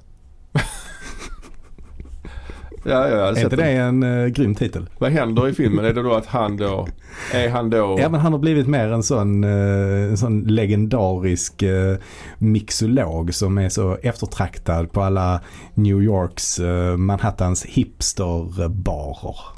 Ja, det låter spännande. Och så kommer han där som, Mm. eh, och ska lära ett, eh, ett gäng mixologer i New York hur Mm. man eh, verkligen tar fram den, den ultimata, ja vad det nu kan vara, Ja. Negronin eller Ja. Aviatorn eller någonting. Long Island Ice Tea. Exakt. Ja, ja kanske. Men som vi alla vet så kom det ju en uppföljare till Top Gun. Mm. Och den kom ju faktiskt nu 2022. Just det. Och den blev försenad av pandemin. Mm. På grund, ja, den skulle egentligen kommit ett par år, för ett par år sedan. väl? Ja, den har väl varit färdig rätt länge tror jag. ja, jag tror det. Eh, åtminstone i två år tror jag den eh, har varit eh, färdig. Liksom. Men den släpptes då alltså hela 36 år efter ettan. Mm. Mm. Det är ju jättelänge. Ja, det är jättelänge. 36 år. Och det är väl något slags rekord Det är rekord. Ja. Eh, Tidigare rekordet innehar, inne, inne, vad säger man? Inne, I, i, i, Hav- havdes. Ja, det havdes. Nej, men jag tror tidigare filmen som hade rekordet var väl Blade Runner 2049 tror jag. Mm. Mm. Den kom väl 2017. Så det var Ja. 35 Ja. år tror jag. 35 ja. Ja. Och eh, nu är det denna som har 36 år. Mm. Och den är regisserad kan vi säga också lite kul av. Josef Kosinski. Ja, och han är ju inte någon främling till just det här att göra sena uppföljare. Nej. För vad har han med gjort för film? Han har gjort Tron kolon Legacy. Som släpptes 29 år eller något sånt efter Ja, första ja. Tron. Ja. Så det är hans grej. Mm, det är hans grej tydligen. Ehm, ja, och, och här är det väl Tom Cruise som har eh, styrt det här projektet ganska mycket, får man gissa. För det är väl lite grann så nu att nu, nu för tiden så jobbar han, väljer han helt och hållet vem som ska vara med och jobba på filmen. Liksom. Han är, han är Ja. huvudproducent kan man säga. Ja, han brukar jobba med samma regissörer. Han har väl något om Mm. Macquarie han brukar Mm. jobba med Mm. på Mission Impossible och Ja. så. Eh, Men det roliga är också, apropå vem som eh, håller i filmen. Den Mm. är ju producerad av Don Simpson och Jerry Bruckheimer. Jaha. Och Don Simpson han dog ju för fan 1996. Men han får ju det ändå. Simpson Bruckheimer Productions, loggan i början. Okej, Ja. tänkte jag, den kan väl Ja. vara med. Men det står ändå i förtexterna Aha. produced by Don Simpson och Jerry Bruckheimer. Ja, Då fast. har han varit död i 20... Det kanske är något rekord också. Ja, det måste det ju vara att 22 år efter sin död Ja.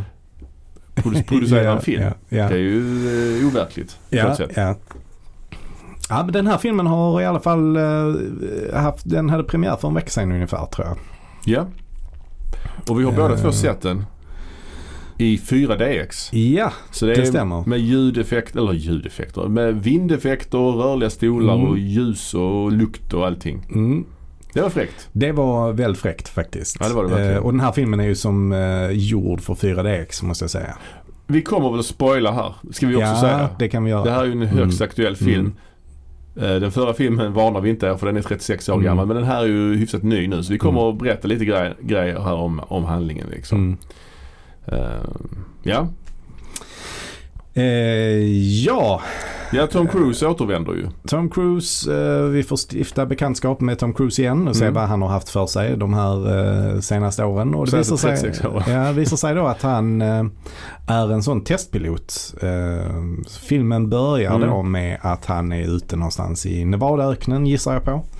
Och eh, ska flyga någon slags överljudsplan då. Ja, Så han ska komma upp i 10 Mach. Ja. Och vad nu det är, det vet jag inte. ja men Mac är väl... eh, det- Ljudets hastighet ja, tror jag. så 10 en, Mach är en väl- Mach är, eh, Ja. det är, då spränger man ljudvallen tror jag. Ja, och 10 Mac är då 10 gånger ljudets Mm. hastighet Mm. misstänker jag. Jävla fort alltså. Jättefort. Ja. Jättefort. Det här, Eh. vilken är det där spränga ljudvallen? Det är ju annars eh, filmen eh, The Right The Stuff. right stuff ja. Där gör, Mm. jobbar man ju mycket med det. Mm. Det är ju en stor Mm. grej där. Ja, precis. Och då eh, spränger man alltså ljudvallen tio gånger här i Mm. detta. Mm, Mm. Så att det är ju... Eh, ja, och, och, och filmen börjar ju direkt då med att man får reda på att eh, det här projektet har lagts ner och det ska Mm. komma en eh, slags amiral kanske dit och, eh, från Pentagon och eh, då officiellt lägga ner projektet. Precis. Men Maverick är ju fortfarande Maverick så han skiter i det och eh, beger sig upp ändå. Mm. Och den här inledningsscenen, Mm. där, där kan jag tycka att är lite så överdrivet skådespeleri i den alltså.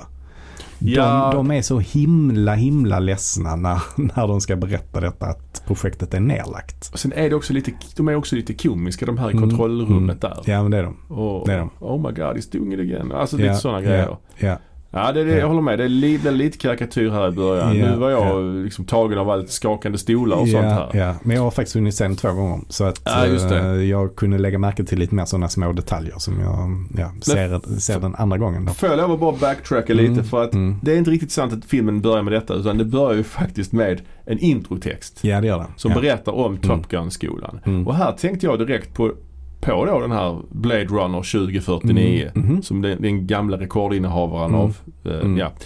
För den börjar ju också med en text. Mm. Precis som första Blade Runner började med en text som förklarar bak, backstoryn om replikanter och så vidare. Mm. Och, Mm. och de som kallas, de som, de som eh, jagar replikanter kallas för Blade Runner. Ja. Och i den andra filmen så står det det, de kallas fortfarande för Blade Runner. Och Mm. här var det likadant. Mm. Den här skolan kallas fortfarande för Top Gun. ja, ja, Det är ju jävligt intressant att man kör, ja, kör den. ja. Men annars är det väl exakt samma text som i eh, första Top Gun-filmen.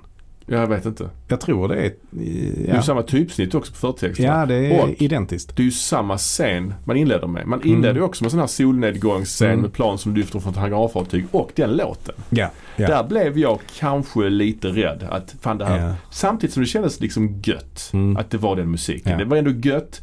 Men när man tänkte efter, fan det här är verkligen lite, är lite billigt. ja, men de spelar ju verkligen på nostalgi här. Kan Ja, man ju säga. och är det för mycket? Ja, alltså jag tycker ju eh, totalt sett att de hela tiden balanserar på rätt sida. Mm. Det är tillräckligt mycket nostalgi men det blir inte för mycket tycker jag. För den har ändå sina egna grejer ganska mycket. Många scener är ju nästan som karbonkopior höll jag på att säga. Mm. Inte Mm. riktigt men det är många saker som, som är Ja. är det. Ja. Alltså Maverick, storyn kortfattat är att Maverick då de lägger ner hans Mac 10 projekt Mm, och han blir då, eh, måste då bli instruktör på Top Gun mm. Och träna nya. Trots att han inte ville. Nej. Däremot så säger han ju faktiskt i första filmen att eh, det han helst vill göra är att bli eh, instruktör på Top Gun. Ja, men jag tror de nämner det i andra filmen också att han har varit det och Ja. hoppat av. Ja, Liksom. han var det i två, två veckor bara eller något sånt. Liksom. Sen Okej, hoppade, ja. hoppade. Ja, precis. Eh, Men det är intressant att, för det går lite mot hans karaktär att han vill vara det i första filmen tycker jag. Det är också intressant att de säger att det, det, det bästa priset man kan få om man vinner den här Mm. Top Gun det är att man kan få bli, komma tillbaka och bli instruktör. Det är inte så jävla bra pris liksom. Nej, det bästa vore Alltså. väl bli chef för eh, liksom Ja, flottan typ eller någonting i ja, den stilen. ja, precis. Eh, men eh, också en annan, apropå det här då med Tom Cruise. hur gammal ska han vara i den här filmen? Ja, det Alltså, är otydligt. Han spela- är ju på riktigt 60 år nu va? Ja, han ska fylla 60 i Mm. år. Kan Mm. man inte tro och så vidare. Nej. Men ska han vara 60? Här? Alltså, Nej men det tror jag inte. Det tror jag inte men han kan inte det- vara mycket ifrån 60. Han kan ju inte, ah, 60. Nej, men... Han kan inte vara långt ifrån 60. Ja, men säg att han kanske ska vara 50 då. Den, den eh, uträkningen tror jag inte, alltså man vet ju inte exakt när den här filmen utspelar sig. Och man vet heller inte exakt när den första filmen utspelar sig. Så årtalen där tror jag inte man, det ska Nej. man nog inte bry sig om. Ja, liksom. jag tror, jag tror, ja, det tror jag inte. Jag tror båda två filmerna utspelar sig i nutid. ja. Och jag tror det snarare är så att man, Tom Cruise vill nog inte att man ska reflektera över att han är svingammal. Nej. Fast Nej. de, det är ändå någon scen där de kallar honom för old timer och sånt. Mm. Så han ska, ju vara, han ska ju vara en äldre Ja. person. Liksom. Han är ju det. Men han, då tänker jag, ja men omkring 50. Han ser ut att vara omkring, ja, han, 50. skulle, han, skulle, man, han skulle kunna vara ännu yngre också egentligen. Alltså, kanske. Kanske. om man, om man, för han är ju otroligt, eh, vad, vad säger man, väl eh, Bevarad. bevarad. Sen vet man inte så ja, hur, hur han har blivit så väl bevarad. Alltså, eh, han färgar kanske håret. Ja. Inte jättevanligt kanske bland eh, 59-åringar. Eller så är det det? Eh, Jag vet jo, inte. det tror jag nog Ja, det att det finns det. en hel del som gör faktiskt. Jo, det gör det kanske. Fast vad vet jag? Nej, Ingen vad vet jag. Vad vet jag. Men, men i alla fall. eh, Han, han blir, det är just intressant för att han träffar ju en kvinna Mm. som spelas av Jennifer Connelly. Mm. Som vi har haft pratat om tidigare Mm. i den här podden. Mm. In, Indiedrottningen eller vad du kallar henne för. ku- kultskådis kallar jag henne för. kallar henne för. Och hon Ja, fortsätter ju här ju på Ja. det spåret genom att göra den här filmen.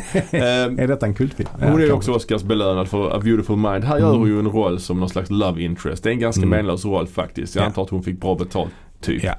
Eh, Men det sjuka är att den här karaktären hon spelar Penny Mm. nämns ju i ettan. Ja, det är just det. Ja. Det, det har jag inte ens tänkt på. Ja, för. Penny Marshall var det va? Eh, ja? Penny, Penny Marshall är väl någon slags, uh, inte det en manusförfattare? Skitsamma. Ja. Penny Benjamin. Penny Benjamin var Eh, det. Men de nämner henne i dialogen när Meg Ryan pratar om Ja, henne. ja. Att Maverick, eh, hon var Han blev utkastad Ja, någonstans för amiralens att han dotter och så vidare. med amiralens dotter. Så det är lite grann så här när han träffar henne i, Ja. i tvåan. Penny! Och så ska, sk- så där ska man ju som tittare känna man sig lite dum där. Vet inte det här. Mm, Ska jag känna igen henne nu? mm, Men det gör jag inte. mm. Nej. Det var någon jag såg film med som poängterat uh, nämns i dialogen i första filmen. Jaha, Men okej. jag, jag, jag kommer inte ihåg att Det var vaket. det var vaket. För ja, har man inte sett första filmen precis innan, Nej. ah, då tänker man ju inte på det. Så Verkligen jag, jag kopplade inte alls ihop det med det när jag såg, när jag såg tvåan. Det hade ju bara varit... tänker mig att de har haft ett förhållande några år tidigare. Ja. Liksom. För i alla fall han, han har ju uppenbarligen träffat hennes dotter. Hon har ju en dotter som är eh, i tonåren Ja. typ. 16 kanske. Eh, ja, Mm. och han har ju uppenbarligen träffat henne. Så Mm. det betyder att de har haft ett förhållande tio år tidigare kanske. Men hade det varit stilen. bättre med Kelly McGillis här? Eller hade det varit för mycket nostalgi om det varit samma, det, eh, att de skulle återförenas, det gamla paret och så vidare? Ja, alltså.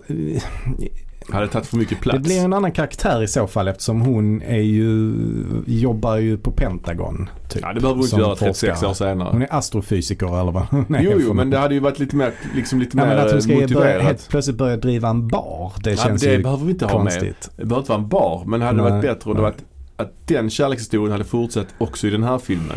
För den här nya kärlekshistorien har Mm. vi inga som helst band till. Nej. Och om jag ska vara lite hård så känns det som Mm. att den här kärlekshistorien, den hade man kunnat klippa bort. Mm. Den tillför Mm. ju inte så mycket som Nej. den gamla gjorde kanske. Nej, det kan jag hålla med. Eh, Den gamla gjorde, gav ändå filmen någon slags Mm. populärkulturell aura eller vad ska man säga, Ja, någon, slags ja, eh, såhär, ja. ungdomsfilmsaura. Det Ja, här, blir, absolut. det här är ett, Mm. ett äldre par egentligen. Mm. Alltså hade ju 60 och hon är väl, ja Jennifer Mm. Connelly är väl kanske, ja hon är över 50 i alla fall. Det här blir en annan. Men ändå Mm. så ska han då smyga ut genom fönstret och sånt när det hälsar på där. Ja, Så jag ja. undrar hur gammal ska han vara? Är Men det är ju ändå en av filmens roligaste scener när han gör det. Ja kanske det. Men jag tror att det är väl så här att man, Tom Cruise vill nog inte att man ska tänka på hur gammal han är i den här filmen. Nej. Han, ska, han är tidlös. Ja. Han är ja. evig. Den Han är- evige ja, Tom Cruise. Ja, precis. Ja. Ehm, Vad var med för skådisar förresten? ja, vi har ju Miles Teller. Just det.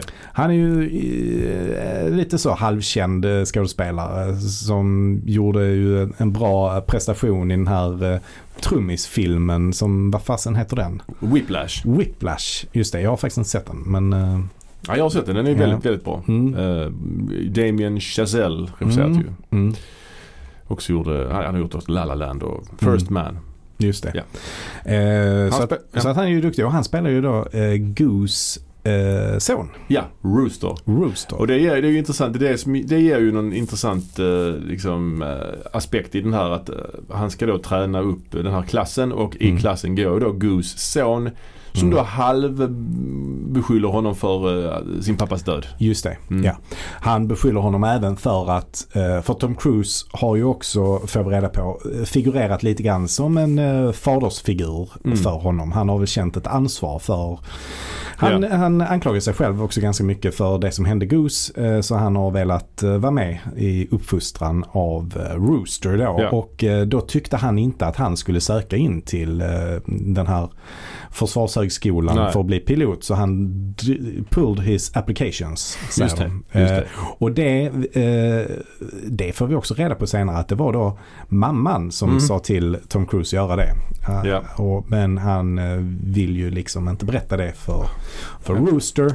eh, utan han eh, säger att det var han själv som gjorde det. Men, men då är Rooster i alla fall väldigt upprörd på honom över det. Precis. Sen har vi också John Hamm. John Känn- Hamm ja. Don Mm. Draper ifrån, eh, ifrån Mad Men. Mm. Han spelar ju eh, också en instruktör på Top Gun som är Mm. liksom eh, Tom Cruise överordnade då. Med eh, call sign Cyclone. Just det. Och han ska ju vara den här liksom, han är överordnad Mm. eh, och lite stel. Lite sådär. Lite Ja, motvalls i detta. Precis, precis. Eh, sen har ju också Val Kilmer gör ju också ett litet inhopp i den här filmen. Ja, Och ehm, ja, han spelar såklart samma karaktär som i första filmen men uh, numera är han då amiral så han är en väldigt högt uppsatt officer. ja. Och det är han som hela tiden har på något sätt ha- haft, uh, varit en skyddande ängel för Tom Cruise kan man säga. Ja, han har gjort att han har fått vara kvar inom flottan för, Mm. trots sina många misstag. Vad tycker du om, han är ju bara med i en scen egentligen, Mm. Val Kilmer. Mm. Vad tycker du om den scenen?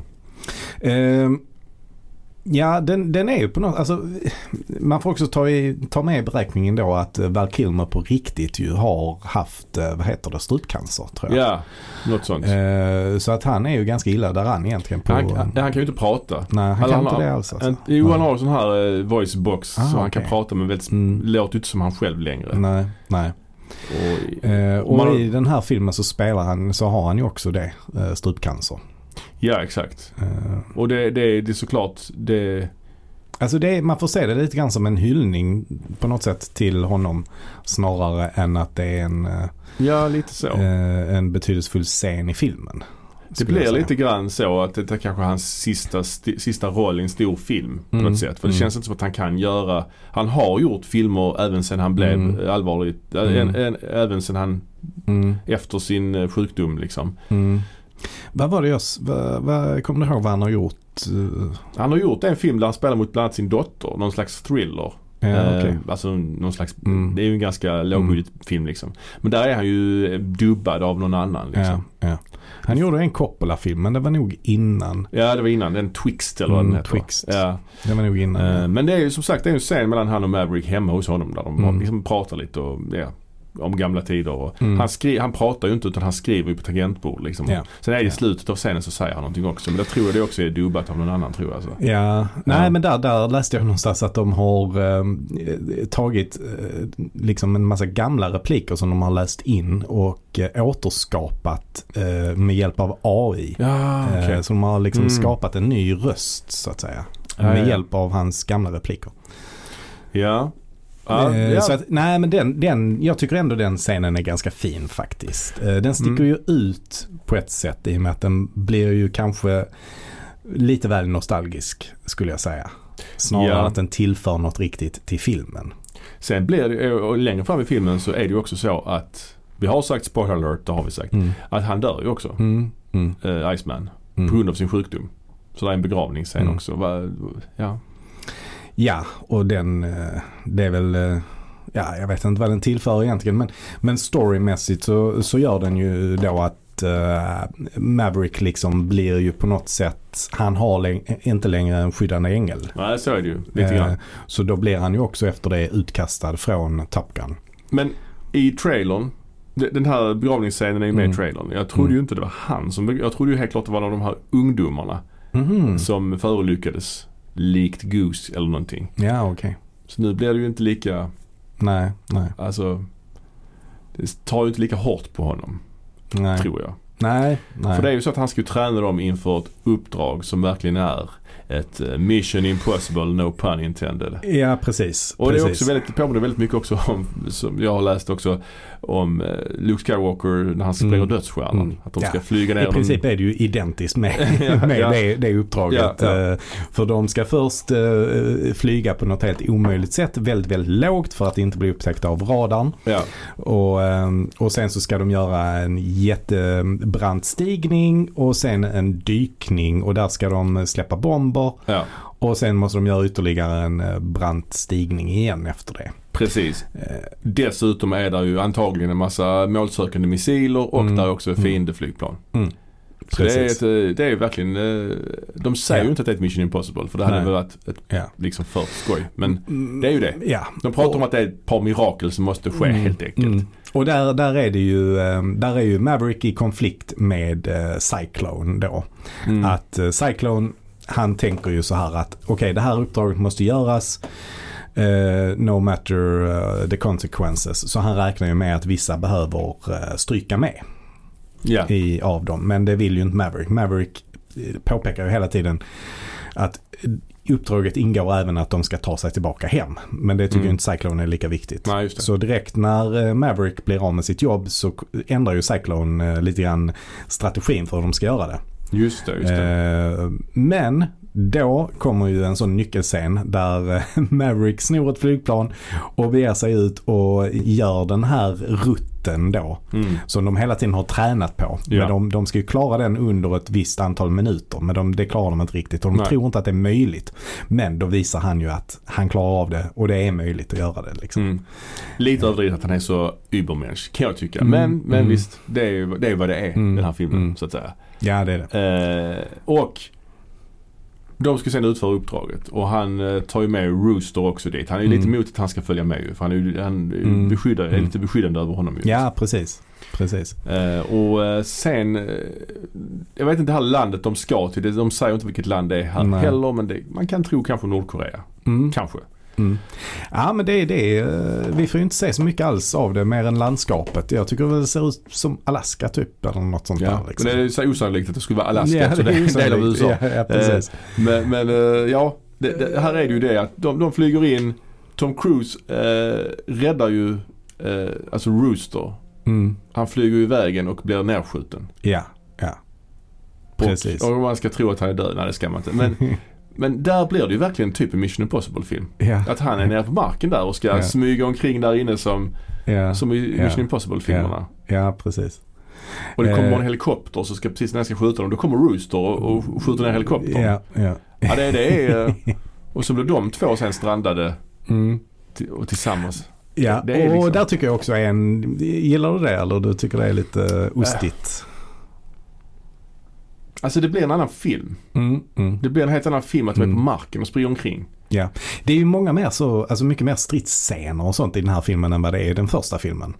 Ja och här är det ju ännu mer avancerat. Alltså givetvis Ja, ju. ja. Här är ju, här flyger väl Tom Cruise på riktigt. Ja, det gjorde han ju inte på samma sak i, Nej. i ettan. Där satt han väl i baksätet Mm. typ. Ja, precis. precis. Eh, så att det här är ju riktigt välgjort alltså. Mm, mm.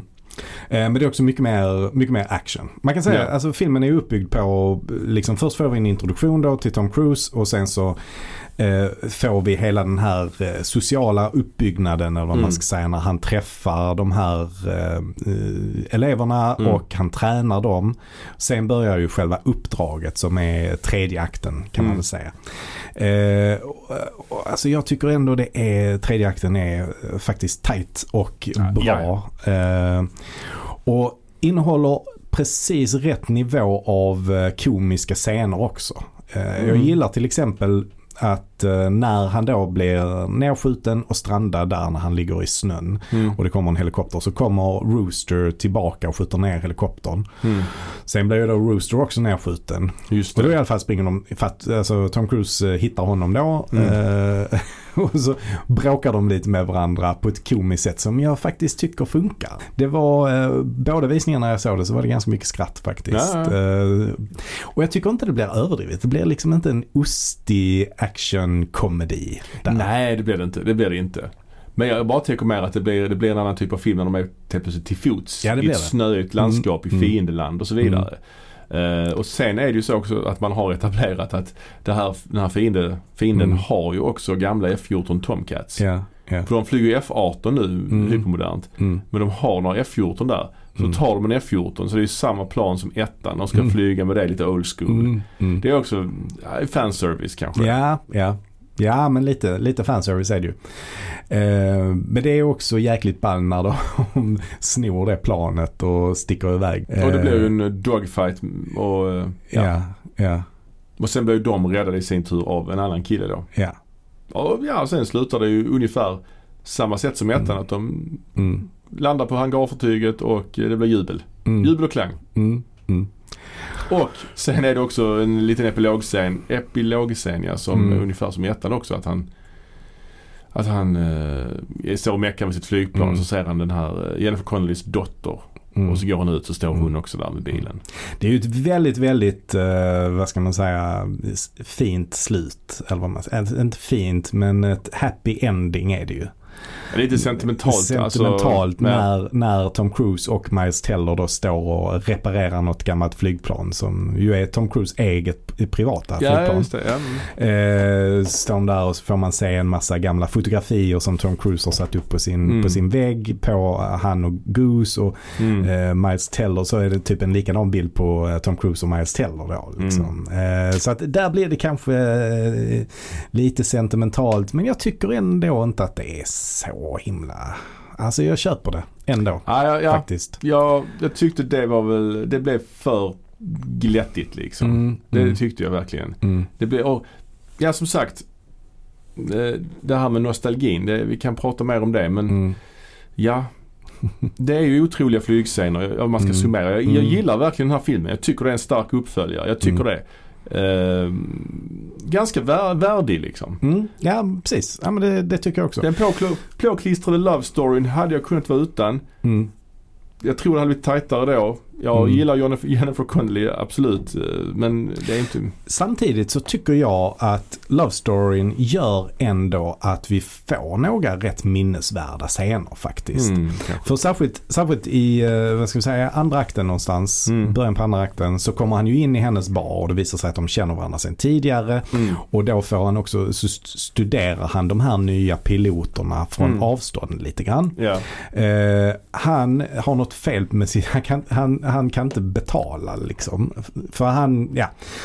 Det är sådär, han lägger mobiltelefonen på bardisken och gör man det så måste man bjuda laget runt och Ja. så måste han göra det då och sen så kan han inte betala det och då finns det en annan regel då som hon har satt upp eh, och det är då att man blir utkastad från baren och då kommer ju då de här eh, Just det. piloterna som man ska, ska träna Mm. och kastar ut honom. Ja. Och där har vi också en koppling till första Ja. filmen eftersom när den, den, i början där så är han ju också på en bar och uppvaktar Kelly McGillis Ja. innan han vet att Kelly McGillis är, henne, är hans eh, lärare på skolan. Ja. Så att här blir det ju också lite grann en koppling till den. ja, och Fast det... tvärtom. Här är ju han läraren Ja. men eleverna vet inte om att han är lärare. Ja precis och det är ju, ja det, det är okej liksom. Jag vet inte, man kan ju ställa frågan. Jag vet inte, du, du kommer nog svara nej på denna frågan men skadar tvåan ettan? Alltså, ettan var en ensam film, Mm. klassiker, Mm. framgångsrik, Mm. one and done. Mm. Men sen kommer ändå en tvåa 36 år senare. Jämför detta med Blade Runner också. Jag har bara sett Blade Runner f- 2. Jag har bara sett den en Mm. gång. Mm. Eh, jag ska se om den. Men Mm. där upplevde jag lite grann att, att tvåan skadade ettan. Mm. Harrison Ford var med och var ganska omotiverad. Hans medverkan var inte helt eh, motiverad. det blev Mm. liksom lite för Mm. f- lägga sequel. Mm. Eh, jag har faktiskt svårt att se. Ja, du, du har nog rätt. Jag kommer svara nej. nej, men Ja. alltså, jag, Mm. jag har svårt att säga att en tidigare film skadas av en senare film. Alltså, det, Prequel-trilogin. Va? Eh, Star Wars prequel-trilogin. Eh, ja, Hust, visst. hust. Ja, men alltså, ja, nej, men jag tycker väl inte att jag ser dem som separata eh, filmer. Nej, vi ska inte prata om dem nu. Absolut inte. Nej, Eh, men nej, nej, men alltså Nej, fattar du vad jag menar? Ja, jag fattar. Jag Eh, fattar. Liksom Nej, men Star Wars, de först, den första trilogin med Star Wars ser jag som väldigt separerat från liksom prequel-trilogin. Jag vill inte prata om det. Gör du inte det Jag då? har pratat om Star Wars. Eh, nej men jag, de skadade, det har vi pratat om innan. Men jag, jag upplever att de absolut eh, skadade de andra filmerna. Ja. För då associeras de gamla med de nya. Nu är det skitfilmer. Det här är ju en bra film så att det, är inte, det är inte på den nivån. Jag, jag, jag, det, det, jag håller med dig, det kanske inte skadar ettan. Eh, Blade Runner 2049 Alltså mystiken av första filmen kanske försvinner när Mm. det kommer en uppföljare. Okej det är skitlång tid efteråt. Men eh, i, i- för en ny generation kanske då, de ser tvåan före ettan till och med och så vidare. Mm. Men då har man inte nostalgin å andra sidan. Men det, det är ju det att, oh minnesvärda scener, nu får vi se dem en gång till. Fast Mm. lite annorlunda. Mm. Jag tycker att den här filmen ändå håller sig på rätt sida. Där är ju Mm. mycket, mycket som är taget från ettan. Lite tweakat men ändå. Det är ju inledningen som är typ likadan. Alltså anslaget med texten Mm. och, och paragraftyget. Men alltså det här med att, det här med att liksom Jag vet ju eh, att du inte är ett stort fan av Alien Resurrection. Mm, det pratade vi om förra avsnittet. Ja. Mm. Tycker du att liksom Alien, den första filmen, blir sämre på grund av att Aliens Resurrection finns? Nej men där har vi ju också ett par filmer mellan. Där är det uppenbart att det är redan en serie, en filmserie. Ja. Liksom. Ja. Det är ju inte Top Gun. Men så är det ju film. Star Wars. Ja, vi pratar inte om det. Är det ju också flera nej, nej, filmer. nej, men det, det är också flera filmer, absolut. absolut. Men det är trilogier och så vidare. Här är det en ensam film. Men, men en ensam film, en klassiker. Det finns ingen. E.T. 2 heller. Alltså det finns vissa filmer som är en film. Känd från, en- som är från en viss tid, en tidsdokument Mm. typ så. Mm.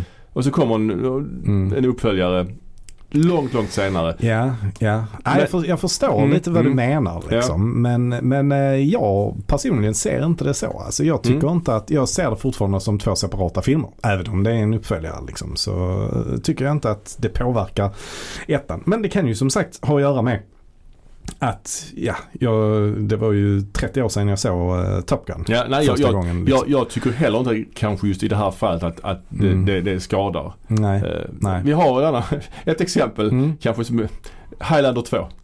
Det skadade detta. Ja, För det, Ja, det är ju på ja, ett sätt ju. ja. Om man nu ska, om man nu ska, ja nu är det så. ja. Alltså nu, nu, Ja. är, det, nu är det så att de är aliens. Ja. Så, tyvärr. Nästa gång du säger ettan så ska du ha det i åtanke. De är aliens. ja, ja. Kanske. Jo, det är klart. Det är en annan ja. nivå på det ju såklart. Ja. Men, men, men absolut. Men det är ju alltså nostalgi, balansen mellan nytt och nostalgi. Mm, Jag tycker som sagt flygscener, actionscener Mm. är skitgrymma. Mm. Tom Cruise är bra. De Mm. unga piloterna är bra också. Mm. Sen är det ett par scener eh, där- Mm. på baren när han spelar piano så spelar han också Great Balls of Mm. Fire. Är, Jag tycker det är rätt så fint faktiskt. ja men det är mycket det. det. Och också att Miles Teller är så jäklans lik eh, Anthony Edwards. Är han inte det? Han har ja jo han är rätt lik absolut. Ja, Ja. absolut, absolut. Ja, och har samma kläder på sig också. Jag tycker ändå Ja, det är en ja. fin, fin blinkning som inte blir för mycket. Jag kan, Nej, jag kan nej. definitivt köpa att många tycker att det där blir för mycket. Det är tycker för jag mycket heller. nostalgi. Jag tycker också bra att det heter Rooster, typ Goose, samma Exakt. namn liksom. Ja, Mm. ja, Som en Ja. tribute till sin farsa. Jag ja. kan tycka Great Balls of Fire är lite, det blir det för mycket. Ah, precis som ettan. Mm, mm, Man mm. vill helst inte tänka på det sättet. Nej, nej. Eh. nej, där hade jag faktiskt köpt det helt och hållet om han hade spelat en annan låt. Men Mm. att han ändå spelade piano på samma sätt som eh, Goose gör. Ja. Men en annan låt. Ja. Det hade kanske varit lite bättre tycker jag.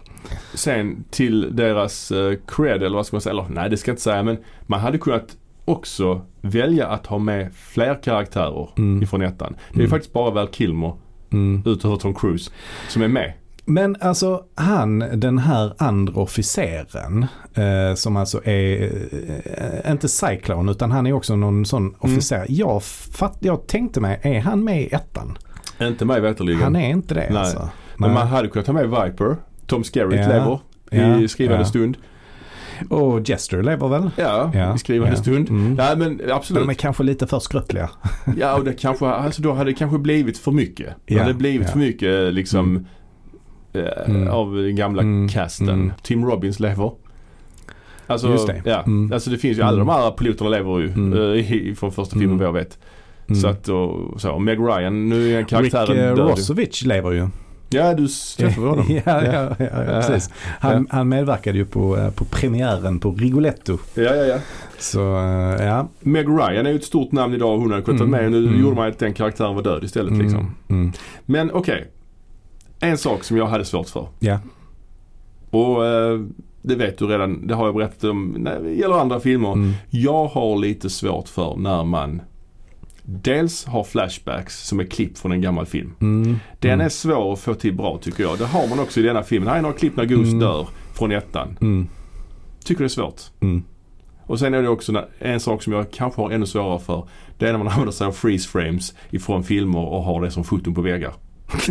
ja. Det här är ju där Iceman och Maverick kramar om varandra ifrån första filmen har det på väggen. Ja, ja. Det har jag ja. lite svårt för. Ja, visst absolut. Jo, det håller jag med. Det håller jag med.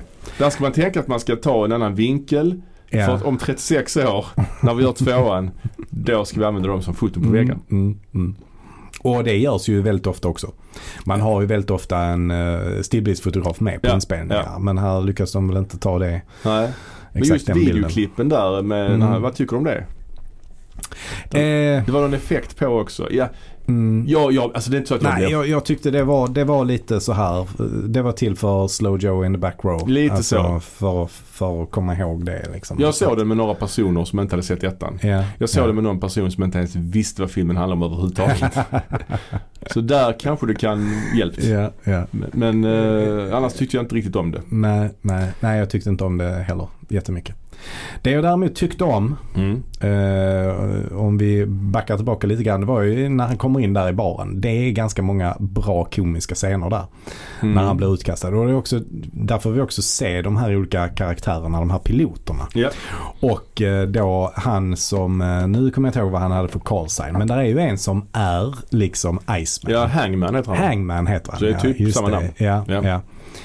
Eh, det tycker jag är, han är kanske egentligen mer Maverick egentligen. Han är också lite grann så här impulsiv, Mm. gillar att köra snabbt och så här. Iceman är ju inte så. Nej, nej, eh, nej, egentligen. Men Iceman är ju på något sätt eh, antagonisten och Mm. han är ju också antagonisten här. Ja, till Rooster då Till med. Rooster, ja, Ja. precis. Sen är det Eh, ju en lite så här, eh, lite Goose-aktig karaktär som Mm. heter Bob. Bob, ja. Han tror jag ju skulle dö. Jag Ja. tycker faktiskt det är märkligt att ingen av de här unga piloterna dog. ja. Faktiskt. Det är ju ingen karaktär i filmen Nej. som dör förutom Iceman. Han Nej. dör av eh, sjukdom. Mm, mm. Så det går ju väldigt bra det här omöjliga uppdraget. Mm. Får man ju Ja, men det säga. gör det. Ja, nej, men jag, jag, jag tyckte den här filmen var väldigt eh, rolig att kolla på. Mm, mm. Eh, den har ju inte samma tyngd, eller vad ska man säga, inte tyngd, men den har, kommer inte lämna samma avtryck som ettan gjorde. Det kommer den ju inte göra nej, det idag. kommer, den kommer liksom. inte sätta samma prägel på populärkulturen Nej, som nej. ettan gjorde. För ja, den är ju något helt annorlunda liksom, när den kom och, och så. Men, det, Men den, är, den är en rolig och bra film tycker jag. Eh, action, späckad, fantastiska effekter. Ja. Eh, och en popcornrulle. ja, Så får vi det. se om den här filmen räddar bions framtid.